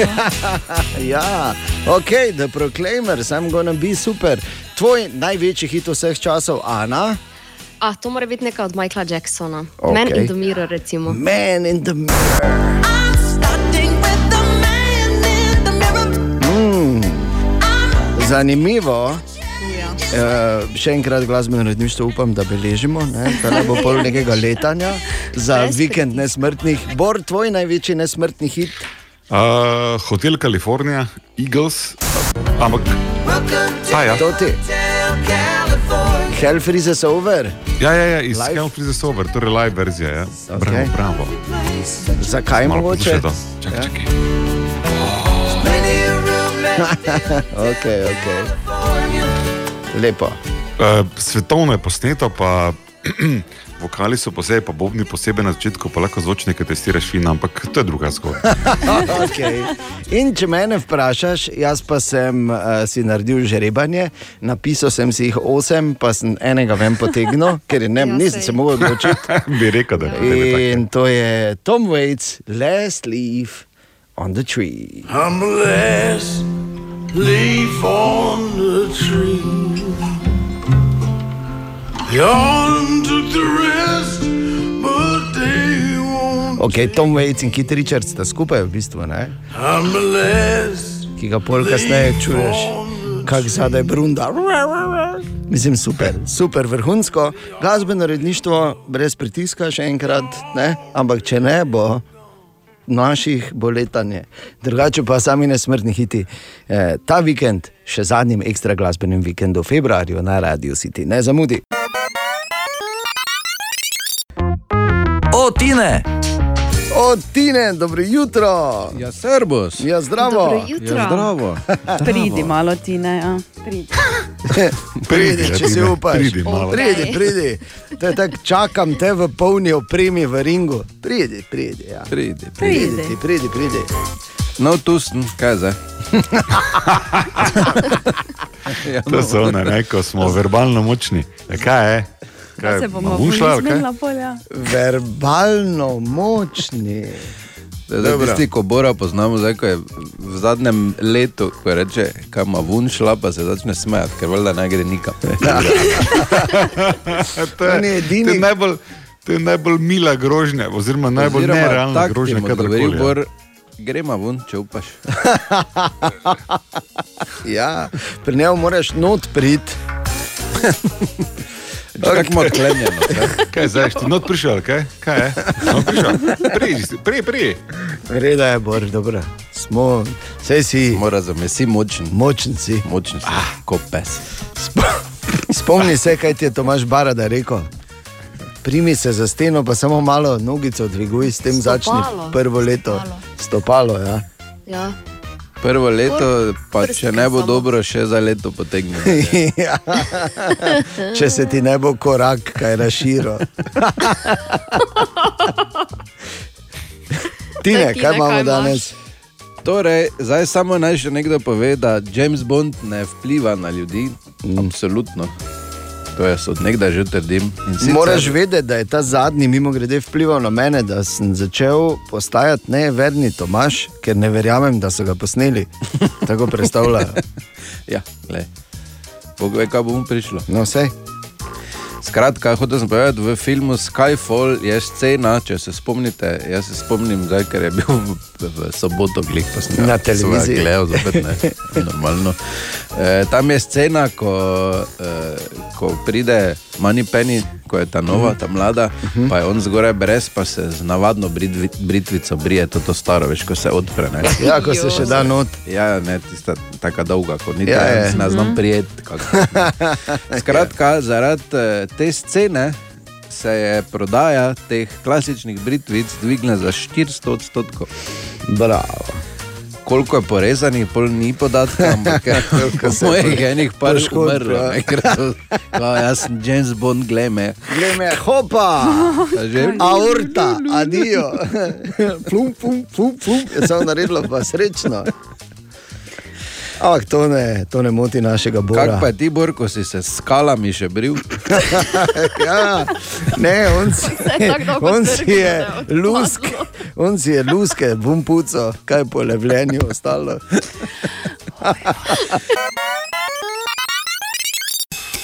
Aha, aha, aha, aha, aha, aha, aha efekt. In tako je tu aha efekt in Bor, ki odgovarja na vprašanje Matica, ki pravi, kako se posodabljajo podatki na spletu, naprimer starost nekoga. Tako Boru in težko. ko, s- eh, ne težko, zlahka, ker živimo v avtomatizirani dobi. Ampak ko sem jaz na levo in na desno vprašal dva računalničarja, ki ste mi pri roki, programerja, eden je rekel, kaj, drugi je rekel, odvisno. Torej, odgovor je, kaj odvisno. Ne, ne, ni. V bistvu kaj? je vprašanje, Bor. Kako lahko imaš dva računalničarja pri roki pred 8 uro zjutraj? Ja, poslušaj, stari hekeri, stare finte. Ampak, če se resno posvetimo vprašanju, eh, Stare nekateri finte, vnosi- kao zjutraj se vstanemo. Ne? ja. ne, nekateri vnosi na spletu so jasno avtomatični, in nekatere pa eh, je treba vpisati na roko. Kar pomeni, da ko jaz prvič pisujem, recimo vzamem eno znamenito osebnost, Borg Reiner, naprimer, ne, Seveda. ko prvič Tako. pišeš notri njegov rojstni datum, 9.3.1972. Ha, pardon. Naprimer, ne? Ja. Ja. Naprimer, priznajmo, da je to res. Naprimer. Uh, seveda, ker ima uh, spletna stran tudi aktualni datum na voljo, je ne mudoma mogoče izračunati njegovo aktualno starost, in potem zmeraj, kadar uh, je ta funkcija priklicana, torej koliko je Borganer dejansko star, se opre na podatek rojstnega dneva. Kar A. pomeni, da torej prvič se taki datum vpiše. Vedno kasneje, torej konsekutivno, pa se izračunava, oziroma z besedami obeh računalničarjev, kaj? Odvisno. Tako. Ali tudi vi pogosto totavate v temi? Aha, efekt, da boste vedeli več. V vsakem primeru je čas, da razkrijemo, uh, kateri je bil ta, ki smo ga imeli skritega danes na naših družbenih omrežjih. In kot sem dejal, le Katja je ta, ki stoji med tabo in vijolično marelo Radia City. Dobro jutro. Tako. In danes naloga ni bila pretežka, eh, recimo mi dva za Ano sva takoj ugotovila, Bor, ti niti pogledal nisi. Ne? In Klasika. Ne? seveda, sploh nič ne rabiš reči, pa vse vemo. Težko, tudi vizualni kvizi niso za mene. Medtem pa, E. kaj so rekle poslušalke in poslušalci? Ja, ni bilo težko, so rekli. Tako, tako. Kaj ti danes smo skrili? Našega cenjenega sodelavca Tineta Križaniča. Ja, Tine je bil danes skrit in uh, torej. Številni ste pravilno odgovorili, ja. in Ja. Katja je ponovno moškega izžrebala. Nisem izžrebala moškega, ne izžrebam jaz, ampak računalnik, še enkrat povdarjam, ja. tako da s tem nimam nič. Seveda. Samo povem in ne laufati za mano. Prosim, hvala. Danes uh, dežnik Radio City dobi Sandra Pelcel. Bravo. Sandra pozna Tinčka, ha, ne moreš ga skriti, da ga ne bi prepoznala. Sandra, čestitke, lepo, mej, eh, lepo se mesto to našo vijolično marelo. Ker pride prav za številne stvari, kot sem že včeraj povedal, tudi če te muce napadejo, tako, "Eh," pa imaš marilo, pa lahko jih eh, ne, lahko odbi Odganjaš. odbiješ napad. Tako da spet bomo nekoga skrili jutri zjutraj, pa, pa malo poglej tudi na naša družbena omrežja. Kviz brez Google. Oh -oh. No, Tomaš. Danes v kvizu brez Google z mano. Tadej. Ok, tadej gremo. Najlažje vprašanje za 10 evrov. Koliko dni potrebuje Zemlja, da pride okrog Sonca? 365,25. Še z decimalko, odlično, super, že imaš 10 evrov. Gremo malo težje. Kako se imenuje ladja z dvema trupoma? Veš, ko vidimo na morju jadrnice, ko imajo dva trupa. Katamaran. Bravo, že imaš 20 evrov, odlično. Gremo še težje, za 30, če slučajno veš uradno ozemlje, katere države so Ferski otoki. Čigava je to?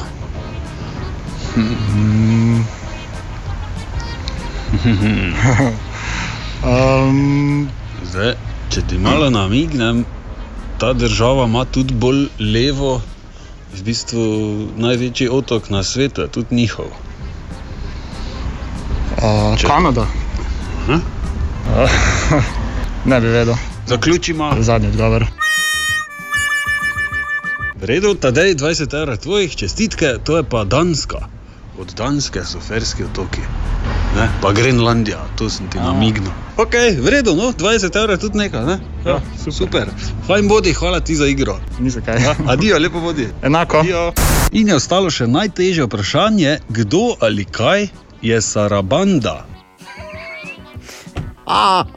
Zakaj mi je to ful? Ker smešno? sam povej. Sarabanda je počasen ples v tridobnem taktu s poudarkom na drugi dobi, ki je pogosto sinkopirana v tretjo. A, to je Sarabanda. In za tiste, vse, ki ste googlili tako jaz in kršili pravila, eklatantno.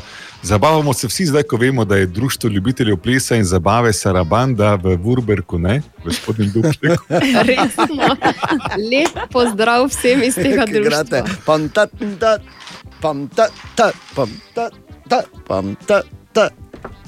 Ne? Tak, ja. Tak, Prijavim koga, ker. Kviz brez Google. Oh -oh. Želimo dobro jutro. Dobro jutro. Ja, dobro jutro in lepo pozdravljeni. E, naredili so v Angliji in sicer v Liverpoolu od vseh mest raziskavo, v katerih poklicih se največ pije. Ah, Radijski Oh. novinar, se pa to je menda jasno. Je. Dalje, naslednja. E, Katja, Mislim, da sem. Dobro jutro. Dobro jutro. Po, po vrsti. Dobro jutro. Tako. Jutro. E, mislim, da sem končno našel primerno glasbeno ozadje.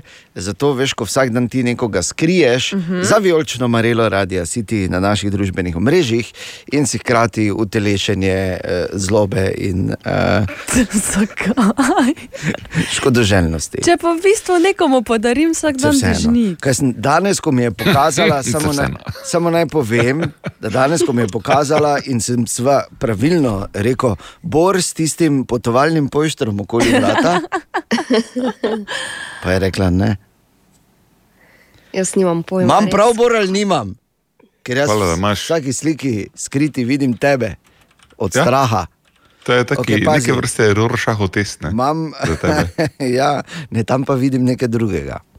Uh, imam pravo, pazi, to je ta glasbeno zadje. Čakaj.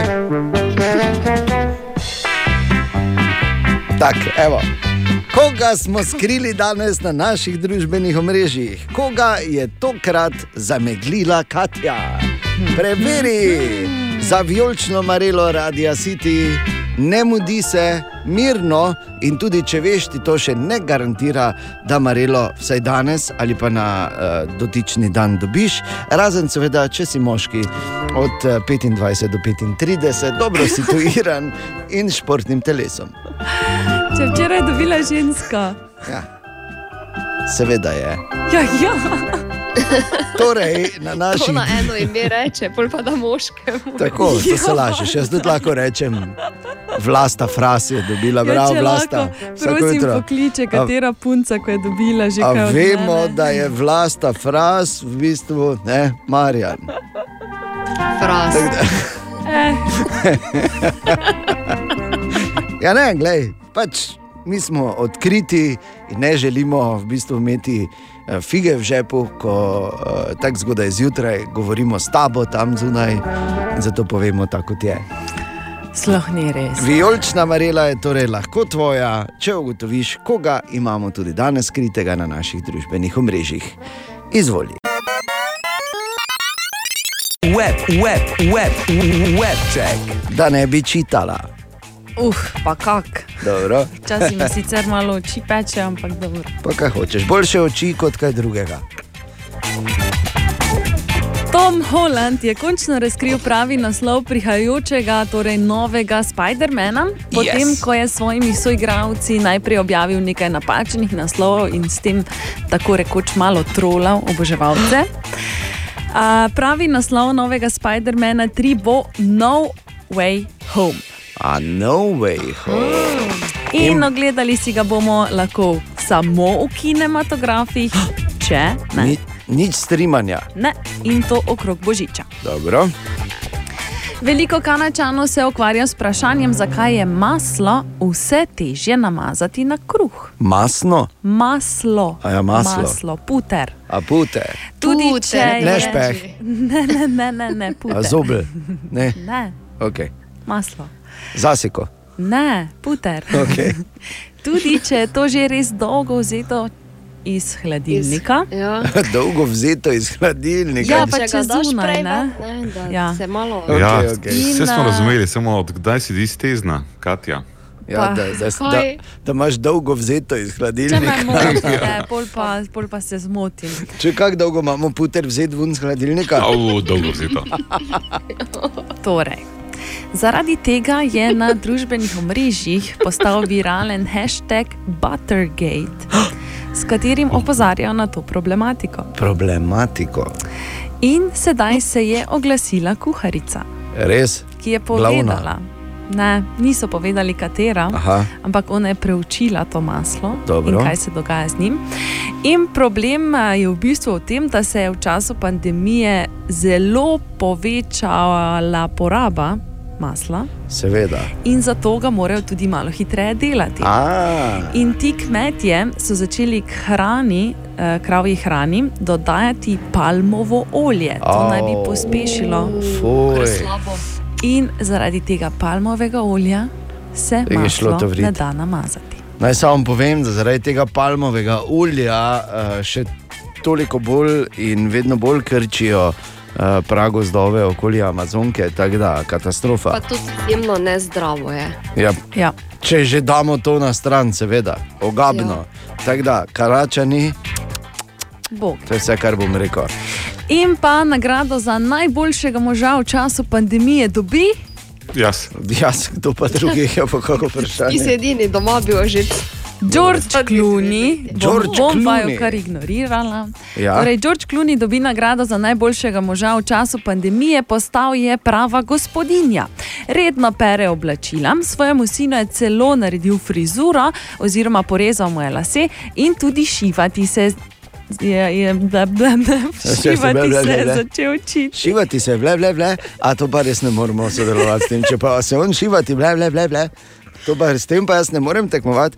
Je pa res, da recimo za razliko, zdaj, če pač, eh, se spomnimo stvari, ki smo jih delali, recimo v lockdownu, sploh v tistem prvem, eh, med, na tem seznamu nisi povedala, da je pobarval ženi lase. Kar Ja, to je recimo bil drug drugi George Clooney. Bi pa samo rekel, da je že vedel, kaj dela, zato ker je njegova žena odvetnica. Webcheck. Dobro jutro. Dobro jutro. Dobro jutro. Dobro jutro. Danes je torej 25. februar, svetovni dan toasta. Uh, In ko smo, ko smo malo o tem debatirali, včeraj zvečer, je Katja rekla, da ima en super lifehack, s katerim, eh, oziroma s pomočjo katerega ne bo treba nikoli več čistiti plošče od toasterja oziroma od pekača. Ne? Tako? To, je, to se meni zdi eden od bolj uh, koristnih nasvetov ali pa lifehackov, zato ker uh, jaz to meni vedno, ko mi sir dol canka, pa se gor zapeče, se veš, sicer ni tako težko beg dobiti? Če Ja. ja. imaš kvalitetno ploščo iz tefala, seveda. Ja, ne, saj- seveda. Ja, Če daš zato, nekaj če pa denar za nimaš, to. je pa problem, ja. Če pač nekaj denar daš, ne bo. Ne, pa ne. Seveda, te pa ne moreš brez plošče biti, pa kaj smo za to. Da imaš neko made in Germany. Ne? Ampak, No, kateri je ta lifehack, Katja? Uh, jaz ni moj, ne, jaz sem to videla na, No, no, na seveda. družbenih omrežjih. Uh, je pa tako preprosto, da ko enkrat to zveš, je tako res. Preprosto daš zgoraj in spodaj peki papir. A ja, kojn. Seveda. Pa da ne. Kaj na toast, Kako kaj? tele. Ja, Toaster, ja, ne? ploščo ali pa na to, zdaj kakorkoli želiš. A, No. govorimo o tistih pekačih, hmm. ko so spodaj zgoraj, ne ono, ko daš not pa stisneš. Od Ne? tisto, ko je zgoraj, pa spodaj. Ja, Ja, No, da, ja, da ne bi kdo vonega tiščal. Ja, ti nimaš zgoraj spode, da je kaj? Seveda Ja. Zapre in zapre, ne ono, ko samo Seveda daš toast in ven skoči. Made in Germany. Od, od ena do šest lahko gumb obrnem. Uh. Ja, to? Jaz sem od 1 do 6, pošiljam pa max nastavitev. Resno? Ja, jaz tudi. Jaz imam od 1 do 6, pa max, po pa še imam ultra. Okay, jaz imam tako, Ja. ja, bo samo v elektriko vklopiš. dobro. ja, no, glej. Ja, veš, ne, tvoj tudi ni made in Germany. Ne, Samo Ne. ampak super, kakšna bedna. Kakšna bedna, jaz mislim, da bo zdaj neka full fora. Kakšna Ja. bedna. Sam deluje pa verjetno. Ja, ja, seveda. Ja, seveda deluje. Tako da peki papir daš mes. Kako se nisem spomnil. Pa posod ta papir tišim, ko kaj pečem, Sem pečici. rekla, da ko zveš pol enkrat, to je tako. Moram res. videti, če bo na mojem Made in Germany delal, se veš, mi ko malo malo. Ja, pa pekače. ne. Na radiju City praktično vedno z velikim veseljem rečemo. Narečja so zakon. Ha, kva, koga, kaj? Ma ne razumem. In tudi danes z nami naš lingvistični bič božji v podobi Marka Frasa. Težko bi eh, Bog ali kdorkoli že našel bolj strašljivo podobo, da inkarnira ta svoj bič, ki nas biča z rodilnikom in tožilnikom. In skrbi za, za pač ta, to našo, ta naš super segment, nareča se zakon. Marko, dobro jutro, kaj smo na zadnje iskali? Dobro jutro. Do, zdravo. Na zadnje smo iskali narečne izraze za zaseko. Brigita iz Maribora Zabela. Pozdravljeni iz Filjana iz Prlakije, pri nas rečemo zaseki z očimba. Jaz sem Nataša Jelen, doma sem iz Grlave, tu je prelekija in rečemo zaseki zabel. Zdravo, jaz sem Rok iz Ormoža, za vse, ki rečemo mi po domače zočemba. Lahko je za- zočimba, lahko pa tudi zočemba, čez resijo. Jaz sem Sonja Lukačič iz Pretetine, pri nas za vse, ki pravimo kar zobel, lepo po domače. Sem Tjaša Podgoršek v Lancovi vasi za seki rečemo špek. In še na hitro nekaj izrazov z Facebooka: zobel, zabel, zajbel, zabela, zablo, zabel, zobil, zabo, zaba, zasika, začiba, začimba, zočomba, žmoc in haloška nutela. V tem tednu pa iščemo narečne verzije te povedi. Pojedel sem tri krožnike žgancev z ocvirki. Pri nas bi rekli recimo, pojal sem tri talare žganikov s cvirkami. Kaj pa pravite vi trije? Fotivojca, džunč in rjolec. Če ni bor erjolec, snjas, veš kaj ne. Džunč, ne? Pazi, Marko, daj, so malo. Razloži. Fotivojca je nezakonska mati. Džunč je biser, ki je zapisan krasno v tej eni povedi iz leta 1771. Niti ne mečete džunže vaše pred svinje. Ne vem točno, kaj pomeni, ne vem, če sem prav prebral. Ampak ja, neke svinjami, pa biseri. Ne. Mogoče. Rjolec pa je skalni jazbec. E, To si Tibor pravostno ugotovil, ker če če vemo, kdo je. Ja, valjda, valjda. Si, če samo dopolnim Markota, eh, to je staro reklo, da se ne, bisere ne Ne meče mečete, svinjam. ja. Ja, oziroma, če pogledamo z drugega zornega kota, koliko krat pa mečem bisere svinjam, ki ne. Je. Joj, Tako da ne zamudi, narečja so zakon in erjulec. Vsak dan fras medvršal, po drugi ne zamudi. Ha, koga? Ma ne razumem. Narečja so zakon. Na Radio City praktično vedno z velikim veseljem rečemo. Narečja so zakon. Ha, kva, koga, kaj? Ma ne razumem. In tudi danes z nami naš lingvistični bič božji v podobi Marka Frasa. Težko bi eh, Bokal, kdorkoli že našel bolj strašljivo podobo, da inkarnira ta svoj bič, ki nas biča z rodilnikom in tožilnikom. In skrbi za, za pač ta, to našo, ta naš super segment, nareča so zakon. Marko, dobro jutro, kaj smo na zadnje iskali? Dobro jutro. Do, zdravo. Na zadnje smo iskali narečne izraze za zaseko. Brigita iz Maribora Zabela. Pozdravljeni, Smiljana iz Prlakije, pri nas rečemo za seki zočimba. Jaz sem Nataša Jelen, doma sem iz Grlave, tu je prelekija in rečemo za seki zabel. Zdravo, jaz sem Rok iz Ormoža, za vse, ki rečemo mi po domače zočemba. Lahko je za- zočimba, lahko pa tudi zočemba, čez resijo. Jaz sem Sonja Lukačič iz Pretetine, pri nas za vse, ki pravimo kar zobel, lepo po domače. Sem Tjaša Podgoršek v Lancovi vasi za seki rečemo špek. In še na hitro nekaj izrazov z Facebooka: zobel, zabel, zajbel, zabela, zablo, zabel, zobil, zabo, zaba, zasika, začiba, začimba, zočomba, žmoc in haloška nutela. V tem tednu pa iščemo narečne verzije te povedi. Pojedel sem tri krožnike žgancev z ocvirki. Pri nas bi rekli recimo, pojal sem tri talare žganikov s cvirkami. Kaj pa pravite vi trije? Fotivojca, džunč in rjolec. Če ni bor erjolec, snjas, veš kaj ne. Džunč, ne? Pazi, Marko, daj, so malo. Razloži. Fotivojca je nezakonska mati. Džunč je biser, ki je zapisan krasno v tej eni povedi iz leta 1771. Niti ne mečete džunže vaše pred svinje. Ne vem točno, kaj pomeni, ne vem, če sem prav prebral. Ampak ja, neke svinjami, pa biseri. Ne. Mogoče. Rjolec pa je skalni jazbec. E, To si Tibor pravostno ugotovil, ker če če vemo, kdo je. Ja, valjda, valjda. Si, če samo dopolnim Markota, eh, to je staro reklo, da se ne, bisere ne meče svinjam. Ja. Ja, oziroma, če pogledamo z drugega zornega kota, koliko krat pa mečem bisere svinjam, ki ne. Je. Joj, Tako da ne zamudi, narečja so zakon in erjulec. Vsak dan fras medvršev po drugi ne zamudi. Ha, koga? Ma ne razumem. Narečja so zakon. Želimo dobro jutro. Dobro jutro. Dobro jutro. In ko rečemo, uh, ko rečemo družbena omrežja, na kaj najprej pomislimo? Na Katjo. No. ja, pri nas Ne? res. In na to, da vsak dan nekoga tam skrije eh, za vijolično marelo Radia City. Ja, ampak ja. razen tega, Ja. seveda o vseh groznih stvareh, ki jih ne. Instagram, pa Facebook, ne, je Tako. prvo. Ampak v Mariboru študenti razvijajo novo socialno mrežo, ker je to točno to, kar svet rabi, seveda, ne?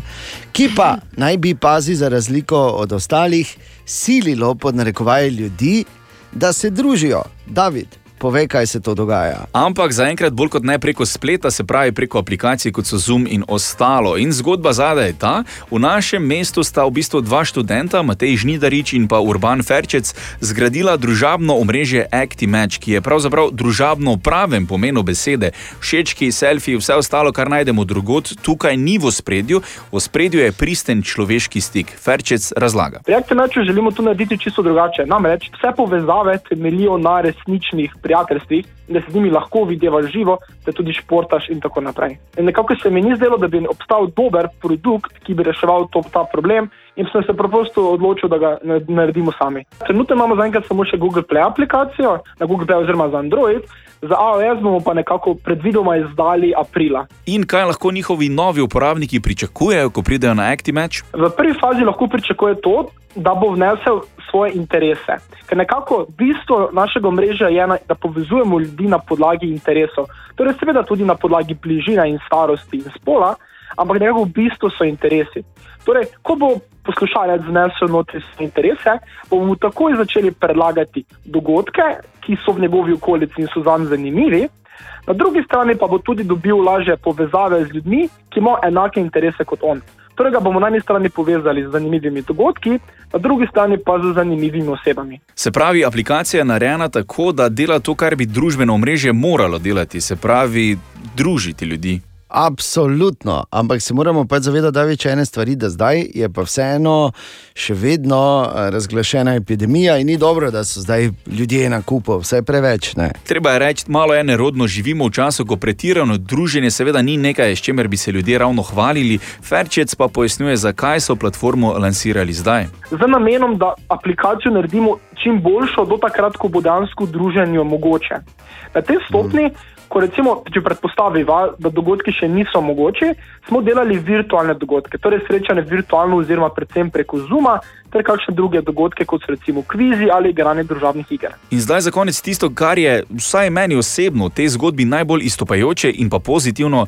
Vse je možno, tudi če živiš v majhnem mestu kot je Maribor, gledano seveda po številu prebivalcev, globalno majhno mesto, ampak kakorkoli, vse je možno, tudi ActiMatch. Absolutno je vse možno in edine prepreke so v glavah.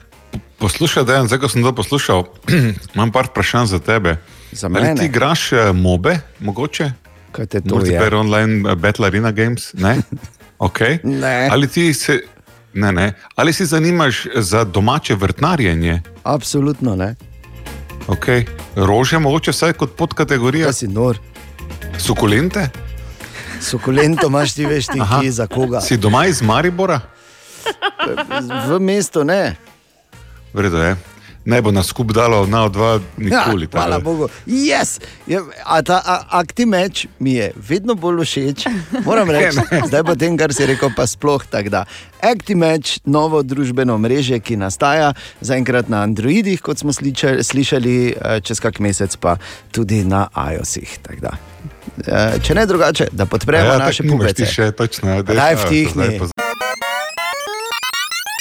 Zdaj pa- Katjana Borindejan, želimo dobro jutro. Dobro jutro. Dobro jutro. Zdaj sem pomislil, Bor, v bistvu bi mu Fasa bilo zelo primerno ime za tebe. Ja, In tudi- Mufasa Grajner. Tudi vse karakterne lastnosti, ki jih človek prikliče v spomin, ko reče Mufasa. Okay. Katere karakterne lastnosti imamo? Kdo je, Fasa, evo? bil, kdo je bil pri tebi včeraj? Mufasa. Ne veš, da je bil Mufasa v Lion Kingu? Pa tako bežno. Pa, no. kaj si, Jaz sem bolj razmišljal o tem Landotu tvojem, ne, ker ta je dobil samo lahko po enem Landotu ime. E, res je, pokrli si eno, ne? A, Mufasa, preberi si bor, v bistvu smo, ti, eh, smo ti zdaj eh, naredili en velik, oziroma povedali en velik kompliment. Ker čist drugače bi bilo, če bi ti rekli pumba, grajner, ne. Kar bi mogoče bilo bolj naravno. O, Tine! Tine, dobro jutro. Ja, dobro jutro. Dobro jutro. Ja, dobro jutro. Je dobro jutro. jutro. Dobro, zakaj zdaj vsi ponavljate za mano? Te pa Kaj dober si, no. večer, pardon. Ne, O, to- Tine. Obstajajo drugi pozdravi, ni treba zdaj reči, ja, dobro jutro, ker sem jaz rekel. Povem samo. Ja, dober večer, sem že rekla. Tine. Ne vem, če si ti razumela ta namik. Ne? Ja, vem, Bor, v redu Da ne je. želel tebe, recimo, da priješ se, je pa kje stine, stara savla, in ti boja, da nisem dolgo videl. tako Ali si dejansko rekel zdaj to? Ali si dejansko rekel kot- zdaj kot to? primer samo, ne. Ali si dejansko rekel stara sablja? Ja, pa Ne morem več. 300 kosmatih medvedov. Tisto o Bogu 300 spustimo, tisto je normalno. Okay. Tine, kaj imamo danes? Danes, ko se lažje diha, tako si že zjutraj rekel. Ne? Ja. Res je. Štiri šnite pršuta si si vzel včeraj. Res si si vzel. Za zajtrk, Ja, ja, no, ne. Jaz tudi štirikrat po deci merlota sem spil, če me. Oziroma terana, pardon. E, dobro, pustimo zdaj futbal. Res je, ker Eh, se nimamo kaj zameniti. Dobro jutro, v Eno, Sežanu. eno mini zgodbo imam danes kot zanimivost in sicer o Beethovnu. E, enega lepega dne je prišel en, recimo, kva, kvazi gla, glasbenik. kaj. Tako se začnejo vse dobre zgodbe. Enega lepega dne je en prišel. ja. Ime mu je bilo uh, Štajbelt in je prišel do Beethovna in rekel: uh, Izzivam te na improvizacijo. Kao, in? Pa je rekel Beethoven, ja, ok, pa so dvorano vzeli, folk je prišel, pol pa je Beethoven vzel en del njegovih not, od tega Štajbelta, tako da bi ni poznal, pa je vzel note, pa je okolje obrnil. Ja. Pa je pogledal, pa je zašpilal, pol pa je note stran vrgel, pa je eno uro improviziral na to njegovo temo, na robe obrjeno. Uh, Štajbelt je po 20 minutah šel, on pa je vseeno eno uro še igral. ja, le zakaj? Kaj pa dražiš? Wow. Kaj pa ga dražiš? Tako da uh, je kar znal. Ne? Ni zdaj bilo tako, da bi se nekaj namišljali. Ne? In upam, da so določeni, ki so ta trenutek v studiu, oziroma na zvezi z studijem, razumeli poanto te zgodbe. Ja, Ana. ne, ni bila ona problematična. Ni mu faca. Ni, ni, pumba. Si ti bolj. Ne, pumba si, svinja, bradavičarka, ni lepšega. Aha, aha, aha, aha, aha, aha, aha efekt. Zakaj legendarni se vprašaš? Zato, ker tako dolgo traja že ne? in hudič ne vgasne. Bor danes odgovarja Mateji, ki je napisala, če bi nas lahko kdaj videli preko te videokonference, o kateri vedno govorite in kako to sploh deluje. Torej, najprej, zakaj delamo to, ne? lahko poveš, Bor. Seveda, da lahko vse povem. Sploh ne vem, kako sem lahko ustavil pri takem zanimivem vprašanju. Najprej, eh, čeprav je radio, audio medij, pa govorci, ki uporabljajo govor, dosti lažje funkcionirajo, če se med sabo vidijo, ker se pri prenašanju sporočila marsikaj dogaja tudi na obrazu in če zdaj ne vidim v toto. V ta lepi ksih noter, ne, in on ne vidi Ta mene, lepi. potem je. Ja, Potem je, no, to je podnarevalce. Ja. A Je, potem je ta komunikacija dosti bolj ovirana in dosti slabša. Zdaj, uh, v tej pandemiji smo seveda vsi uh, objeli te tehnologije dela nadaljavo in tudi um, pred nas smo razmišljali, fejst, kateri uh, način videokonference bi uporabili, pa so bili vsi ali preslabi ali predragi in smo, hopa, hvala Uraš, na odprtokodni Linux platformi postavili svoj strežnik. Um, v podrobnosti ne smem iti. Zakaj bi šel? Ker je, no, da ti povem samo, kaj je Uroš rekel, uh, napisal mi je, pravkar ne, je rekel, uh, ne nahoj v podrobnosti, prosim, ker nočemo imeti hekerjev. O, Uroš, da ni jaz pa heker že dolgo časa. Prepozno. Prepozno, je ta Prepozno. vlak je že odpeljal. Okay. Okay, kaj še okoli tega? Ja. Ne, pi, pravi, da bi pač, eh, eh, če nas bojo lahko kdaj gledali, tako bom Ja, rekel, če lahko jaz kaj rečem, ne. nikoli. Ja, in Ker jaz se strinjam. Ja. Ampak ravno zaradi tega, ker se Bor strinja, Mateja in se prehitro strinjal, bi jaz mogoče jutri uh, po šesti uri za kako urco na našem YouTube kanalu vseeno pošeral to, kako to zgleda. Tak.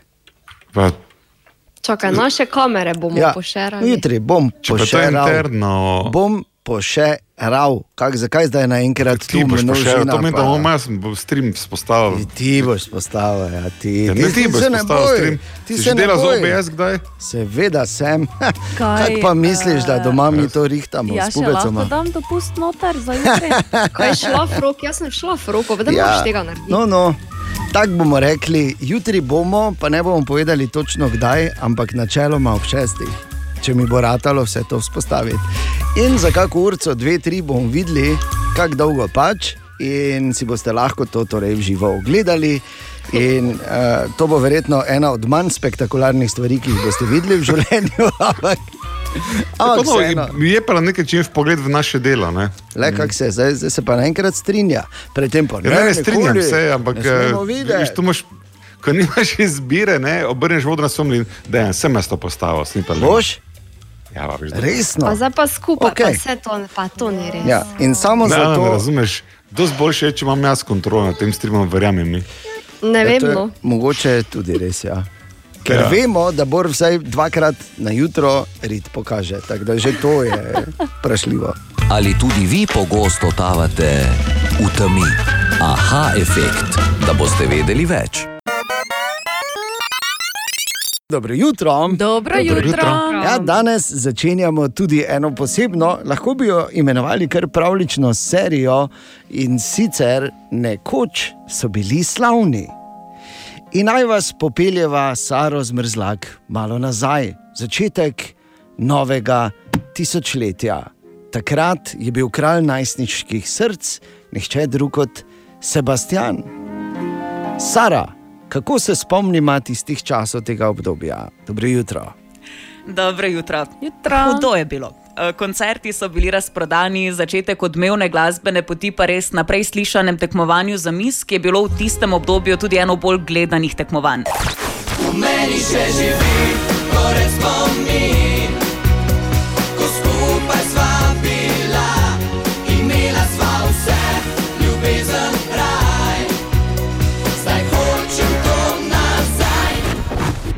Skladbo Hočem to nazaj smo vzeli za svojo, sedaj že mlade ženske pa se zagotovo spomnijo popstars turneje in kasnejših, kot so reci, da si za en poljub, ti si ta bum bum bum. Skratka, Sebastian se je glasbeno-medijskemu svetu do dobra predstavil po letu 2000, odsotnost družbenih omrežij mu je zagotovilo določeno mero zasebnosti, se je pa na ta račun polnil hišni nabiralnik. Sebastian. Spomnim se enega rojstnega dne, ko so mi pač takrat pošta prinesla takrat celo tisto poštarsko vrečo pisem in je prišel na vrata, pozvonil in ni bilo nič jasno, kaj se dogaja. Ampak to so bile abnormalne količine uh, naročno napisanih pisem, nekatere še danes hranim, tudi pišete živali. Tako da mi je kar lepo danes malo te stara pisma malo pobrati ven, pa malo pogledati, pa prebrati. Kaj so pa v pismih pisali? Glej, to so bila takrat vprašanja o vem, najljubša barva, si zaljubljen, uh, tako zelo tipična vprašanja. Eh, Sebastian je sicer leta 2003 odšel na prvi glasbeni odmor. Povedal je, da se je po milijon prevoženih kilometrih odločil, da je čas za živeti. Ker dejansko, ko si v pogonu, eh, sploh takrat, kar se glasbe tiče, ni bilo življenja, bil je faks in druga polovica, ali pa celo še malo, malo več kot polovica, je bila glasba. Teda v bistvu res je dejanski užitek. No, je pa tudi res, da na drugi strani so pa tudi velike žrtve, ki jih pač šov biznis kot tak seveda ne prodaja. Šov biznis prodaja pač seveda, da vse bleščeče in super, ampak na drugi strani pa imaš en kup enih rojstnih dni, ki jih zamudiš, svojih rojstnih dni, ki jih zamudiš, ker enostavno pač je vse podrejeno temu, da se pač ta mašinerija, ki se poganja okoli tebe, normalno in tudi lahko teče. No, se pa s tem njegova pot ni končala. Ampak Prelomna noč in želja fanov, ki so se na njo obračali, da bi tudi oni radi plesali, tako kot se je plesalo v videospotih. Nastala je plesna šola. se je vse skupaj na eni in drugi strani na glasbi in v plesu razvilo do točke, da pač oboje skupaj več ni šlo in sem čisto racionalno se en večer, prav spomnim se, sem se sedel za mizo in dal tisto prav filmsko papir pred sebe in pluse in minuse enega in drugega, ker dejansko in ples in glasba sta popolnoma enakovredni ljubezni in potem sem videl dolgoročno gledano je po plesni šoli in na področju plesa dosti več vajeti v svojih rokah, kot pa v glasbi. In to je bil v bistvu edini razlog, čisto racionalna odločitev, zakaj se je poltehnica bolj prevesla na stran plesa. Reci, da si zdrav, da bi z mano šla. Vem, da ti srce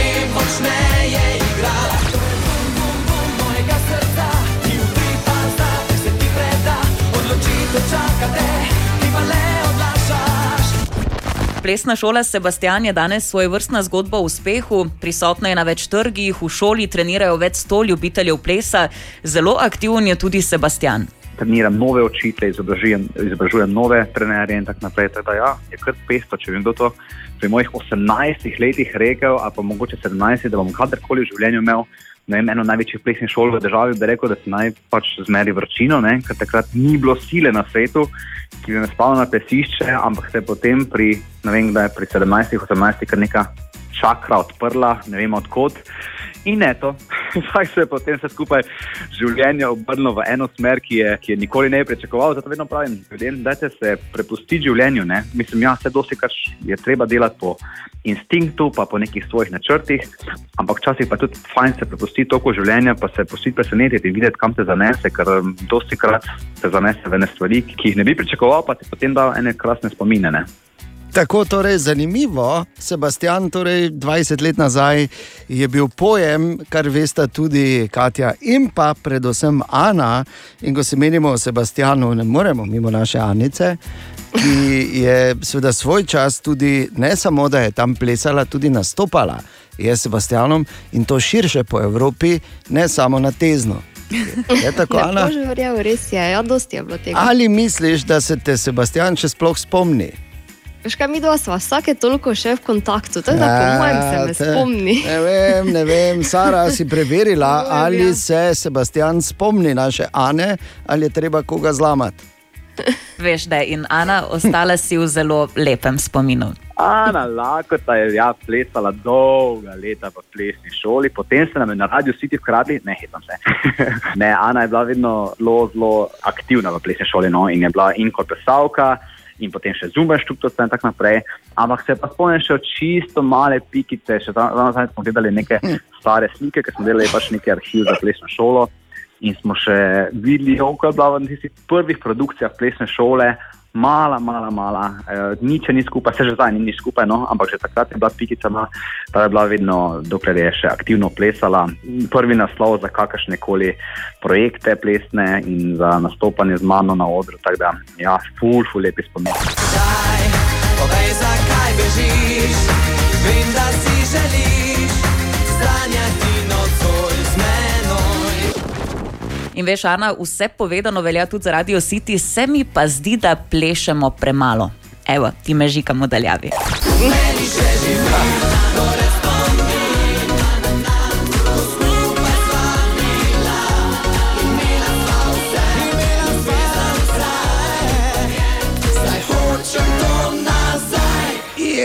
Sebastian, pred 20 leti, torej absolutni idol, zdaj pa eh, poslovnež in eh, seveda dober prijatelj naše Ane Lakote. Tako da super, evo, to je naša Ja, serija. Sebastianu, hvala za lepe besede. Mala pikica, je bila še čisto prišla. pikica. Mala pikica, stezna.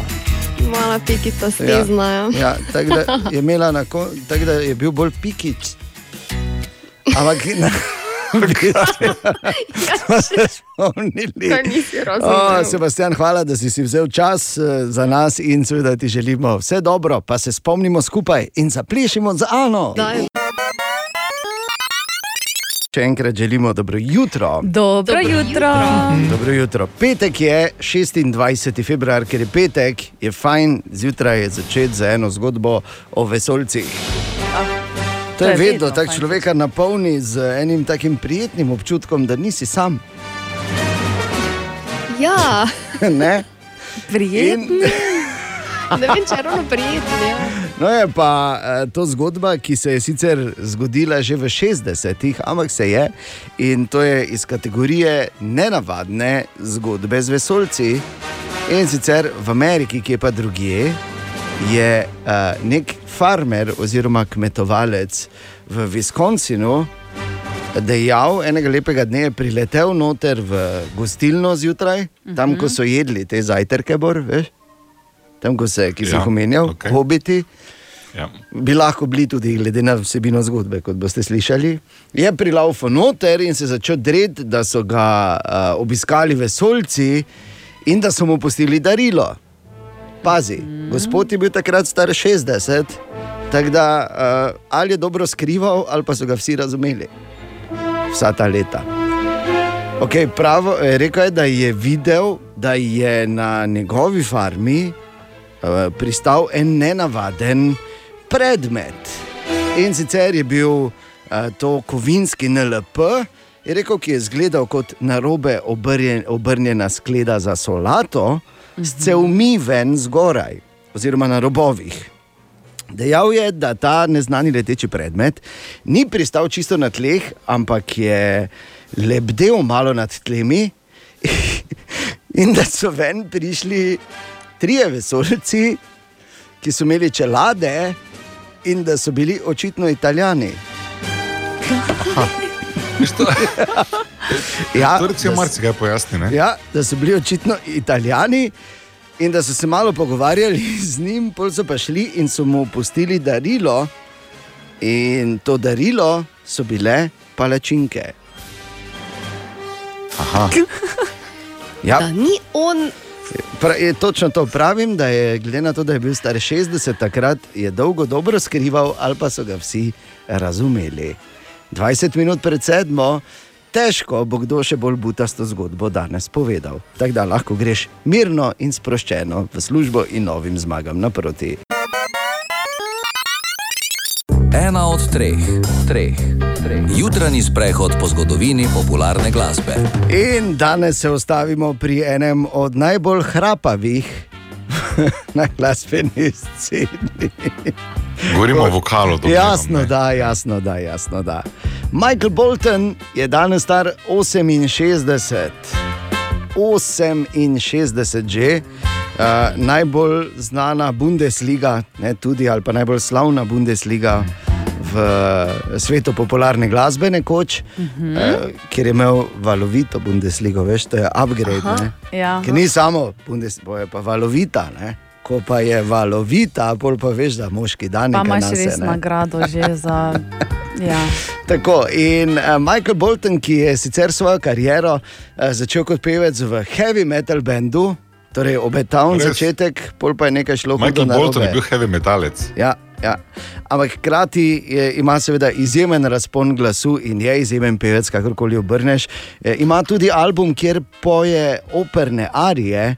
In to, in to res vrhunsko. Moram reči, da sem prisluhnil temu albumu kot ljubitelj opernih arij.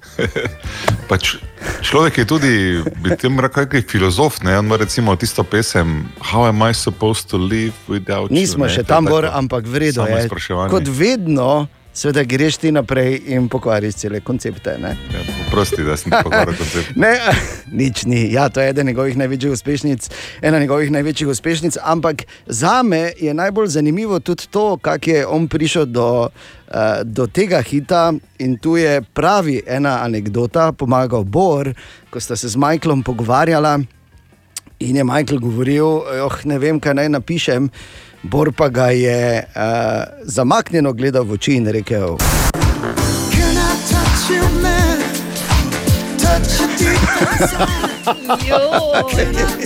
Oprosti. Visoka na mizi. Can I touch you there? Torej, Michael Bolton, zagotovo ena njegovih večjih uspešnic. Ali pa denimo Love is a wonderful thing. Make a smile through the pouring In pa, kot je že Bor omenil, da se malo zašibijo kolena.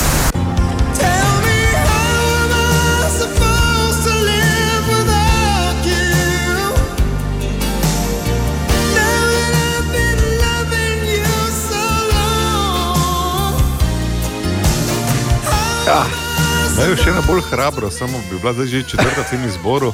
Ta je bila moče res na meji uh, možnega. Uh, said I love you. Pa da light. Ja. Ta, je, ta je tudi kar pogumna, ne? Je. v kategoriji Charles and Eddie, would I lie to you? Oh, yeah. Torej, uh, Michael Bolton, uh, predlagam Love is a Wonderful Thing, da nas zacumamo nazaj. In ker je to ena taka eh, lepa, eh, lepa misel za začetek tega petka. Naj povem, da se je ta debata zdaj uh, razvlekla preko vseh meja dobrega okusa. No. Zato sem tudi uh, mislil, ker je danes petek, imeti eno tako prijazno, skoraj nemogoče vprašanje, ker bi Ja. dejansko bile neke možnosti, pa bom zdaj malo pofefral. Mhm. In sicer tudi Ne tokrat, potrebno, kolega, ne potrebno je fefrati. je, je, včasih je potrebno malo, če ne drugače, da se spomniš, kakšen okus ima poper. torej, Ja, to je ta resnica. Torej, skoraj nemogoče vprašanje, ko je vprašanje veliko bolj spektakularno od odgovora, ali pač. In vsak petek v tej torturi, Katja, Ana in Bor. In samo takrat, ko je prejšnji petek zmagala Katja, se nikoli ne pove, da je trenutna šampionka Katja. In zato bom povedala Nisem sama. še tako daleč, Katja. ampak lepo, da si. En ni omembe vredno, ena lasta, ki ne prenese pomladi in kam ti. Prosim. Okay, dobro. Skratka, to je to klasično zbadanje in metanje iz ravnovesja. Ja, tako? se tudi pravilno. Do pravilnega odgovora. okay, tudi danes vprašanje korenini v statistiki, narejeni v Evropski uniji. Kar sedem od desetih odraslih evropejcev pravi, da ve o tem zaradi pandemije veliko več kot prej. O čem? Mask. O maskah. O maskah. Mask. več. Ne, ne, ne, ne. ne. Nima veze s pandemijo. Hišna opravila, gospodinska opravila o kuhanju. Um, splet, um, te. Um, Ne. Nič povezavi s spletom. Nič nima z elektriko veze, kar povem. Kako hitro se hrana pokvari. Spravljanje, ne, ne, ne, ne. čiščenje. Ne, ne, ne. Uh, karkoli je zdaj že bilo, se je videlo, dragi dejan, ker si pozabil, da je tvoj telefon na kameri. Ne? Kaj? Karkoli bi bilo kaj. Če pa ste tako dolgočasni, da moram eh, gledati v telefon vmes. Um, S kom si dopisuješ, Dan? Ja. Dvigni malo telefon na kamero, zato.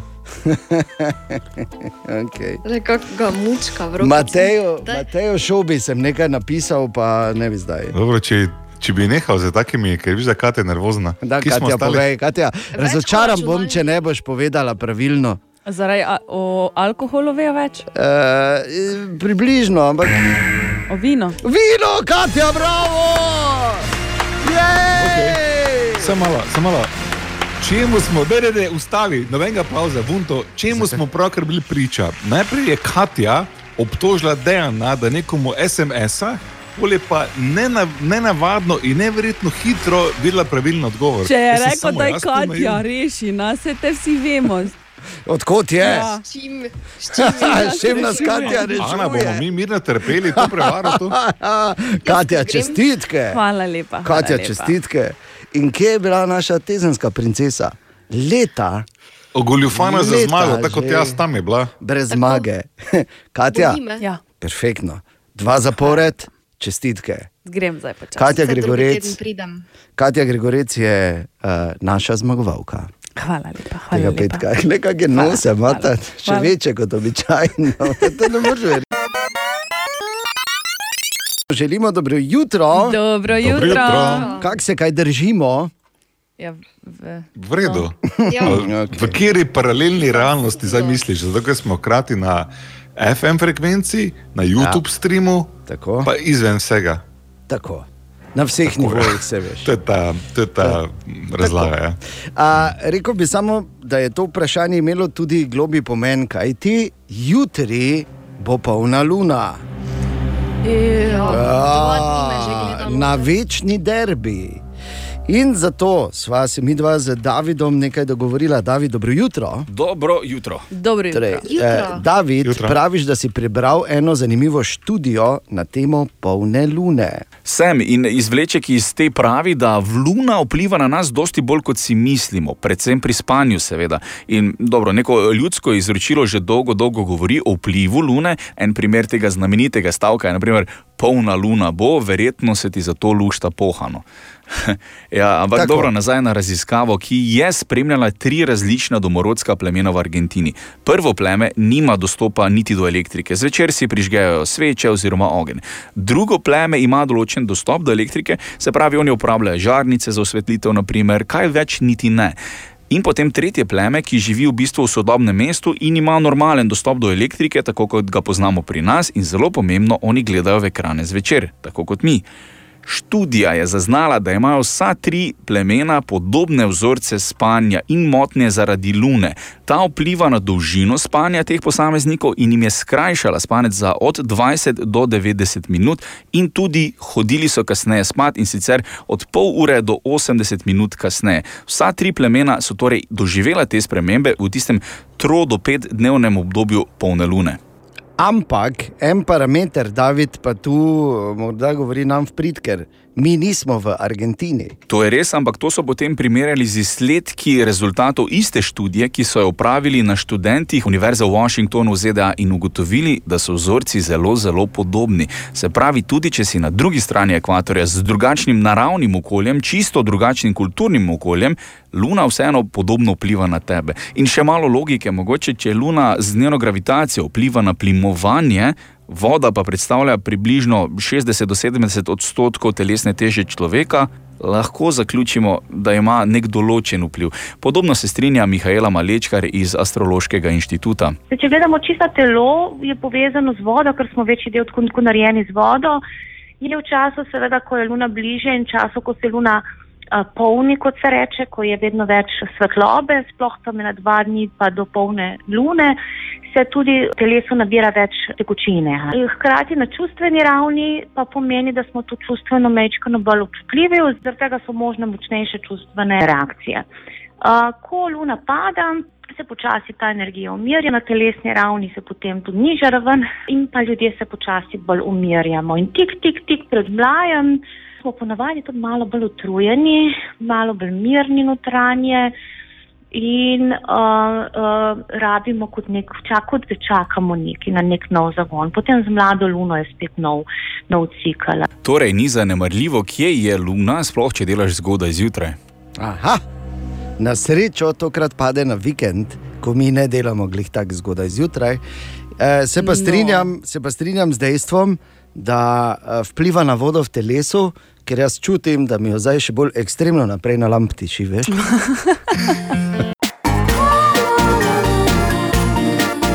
Dobra, mali in stari. Podcast jutranje ekipe.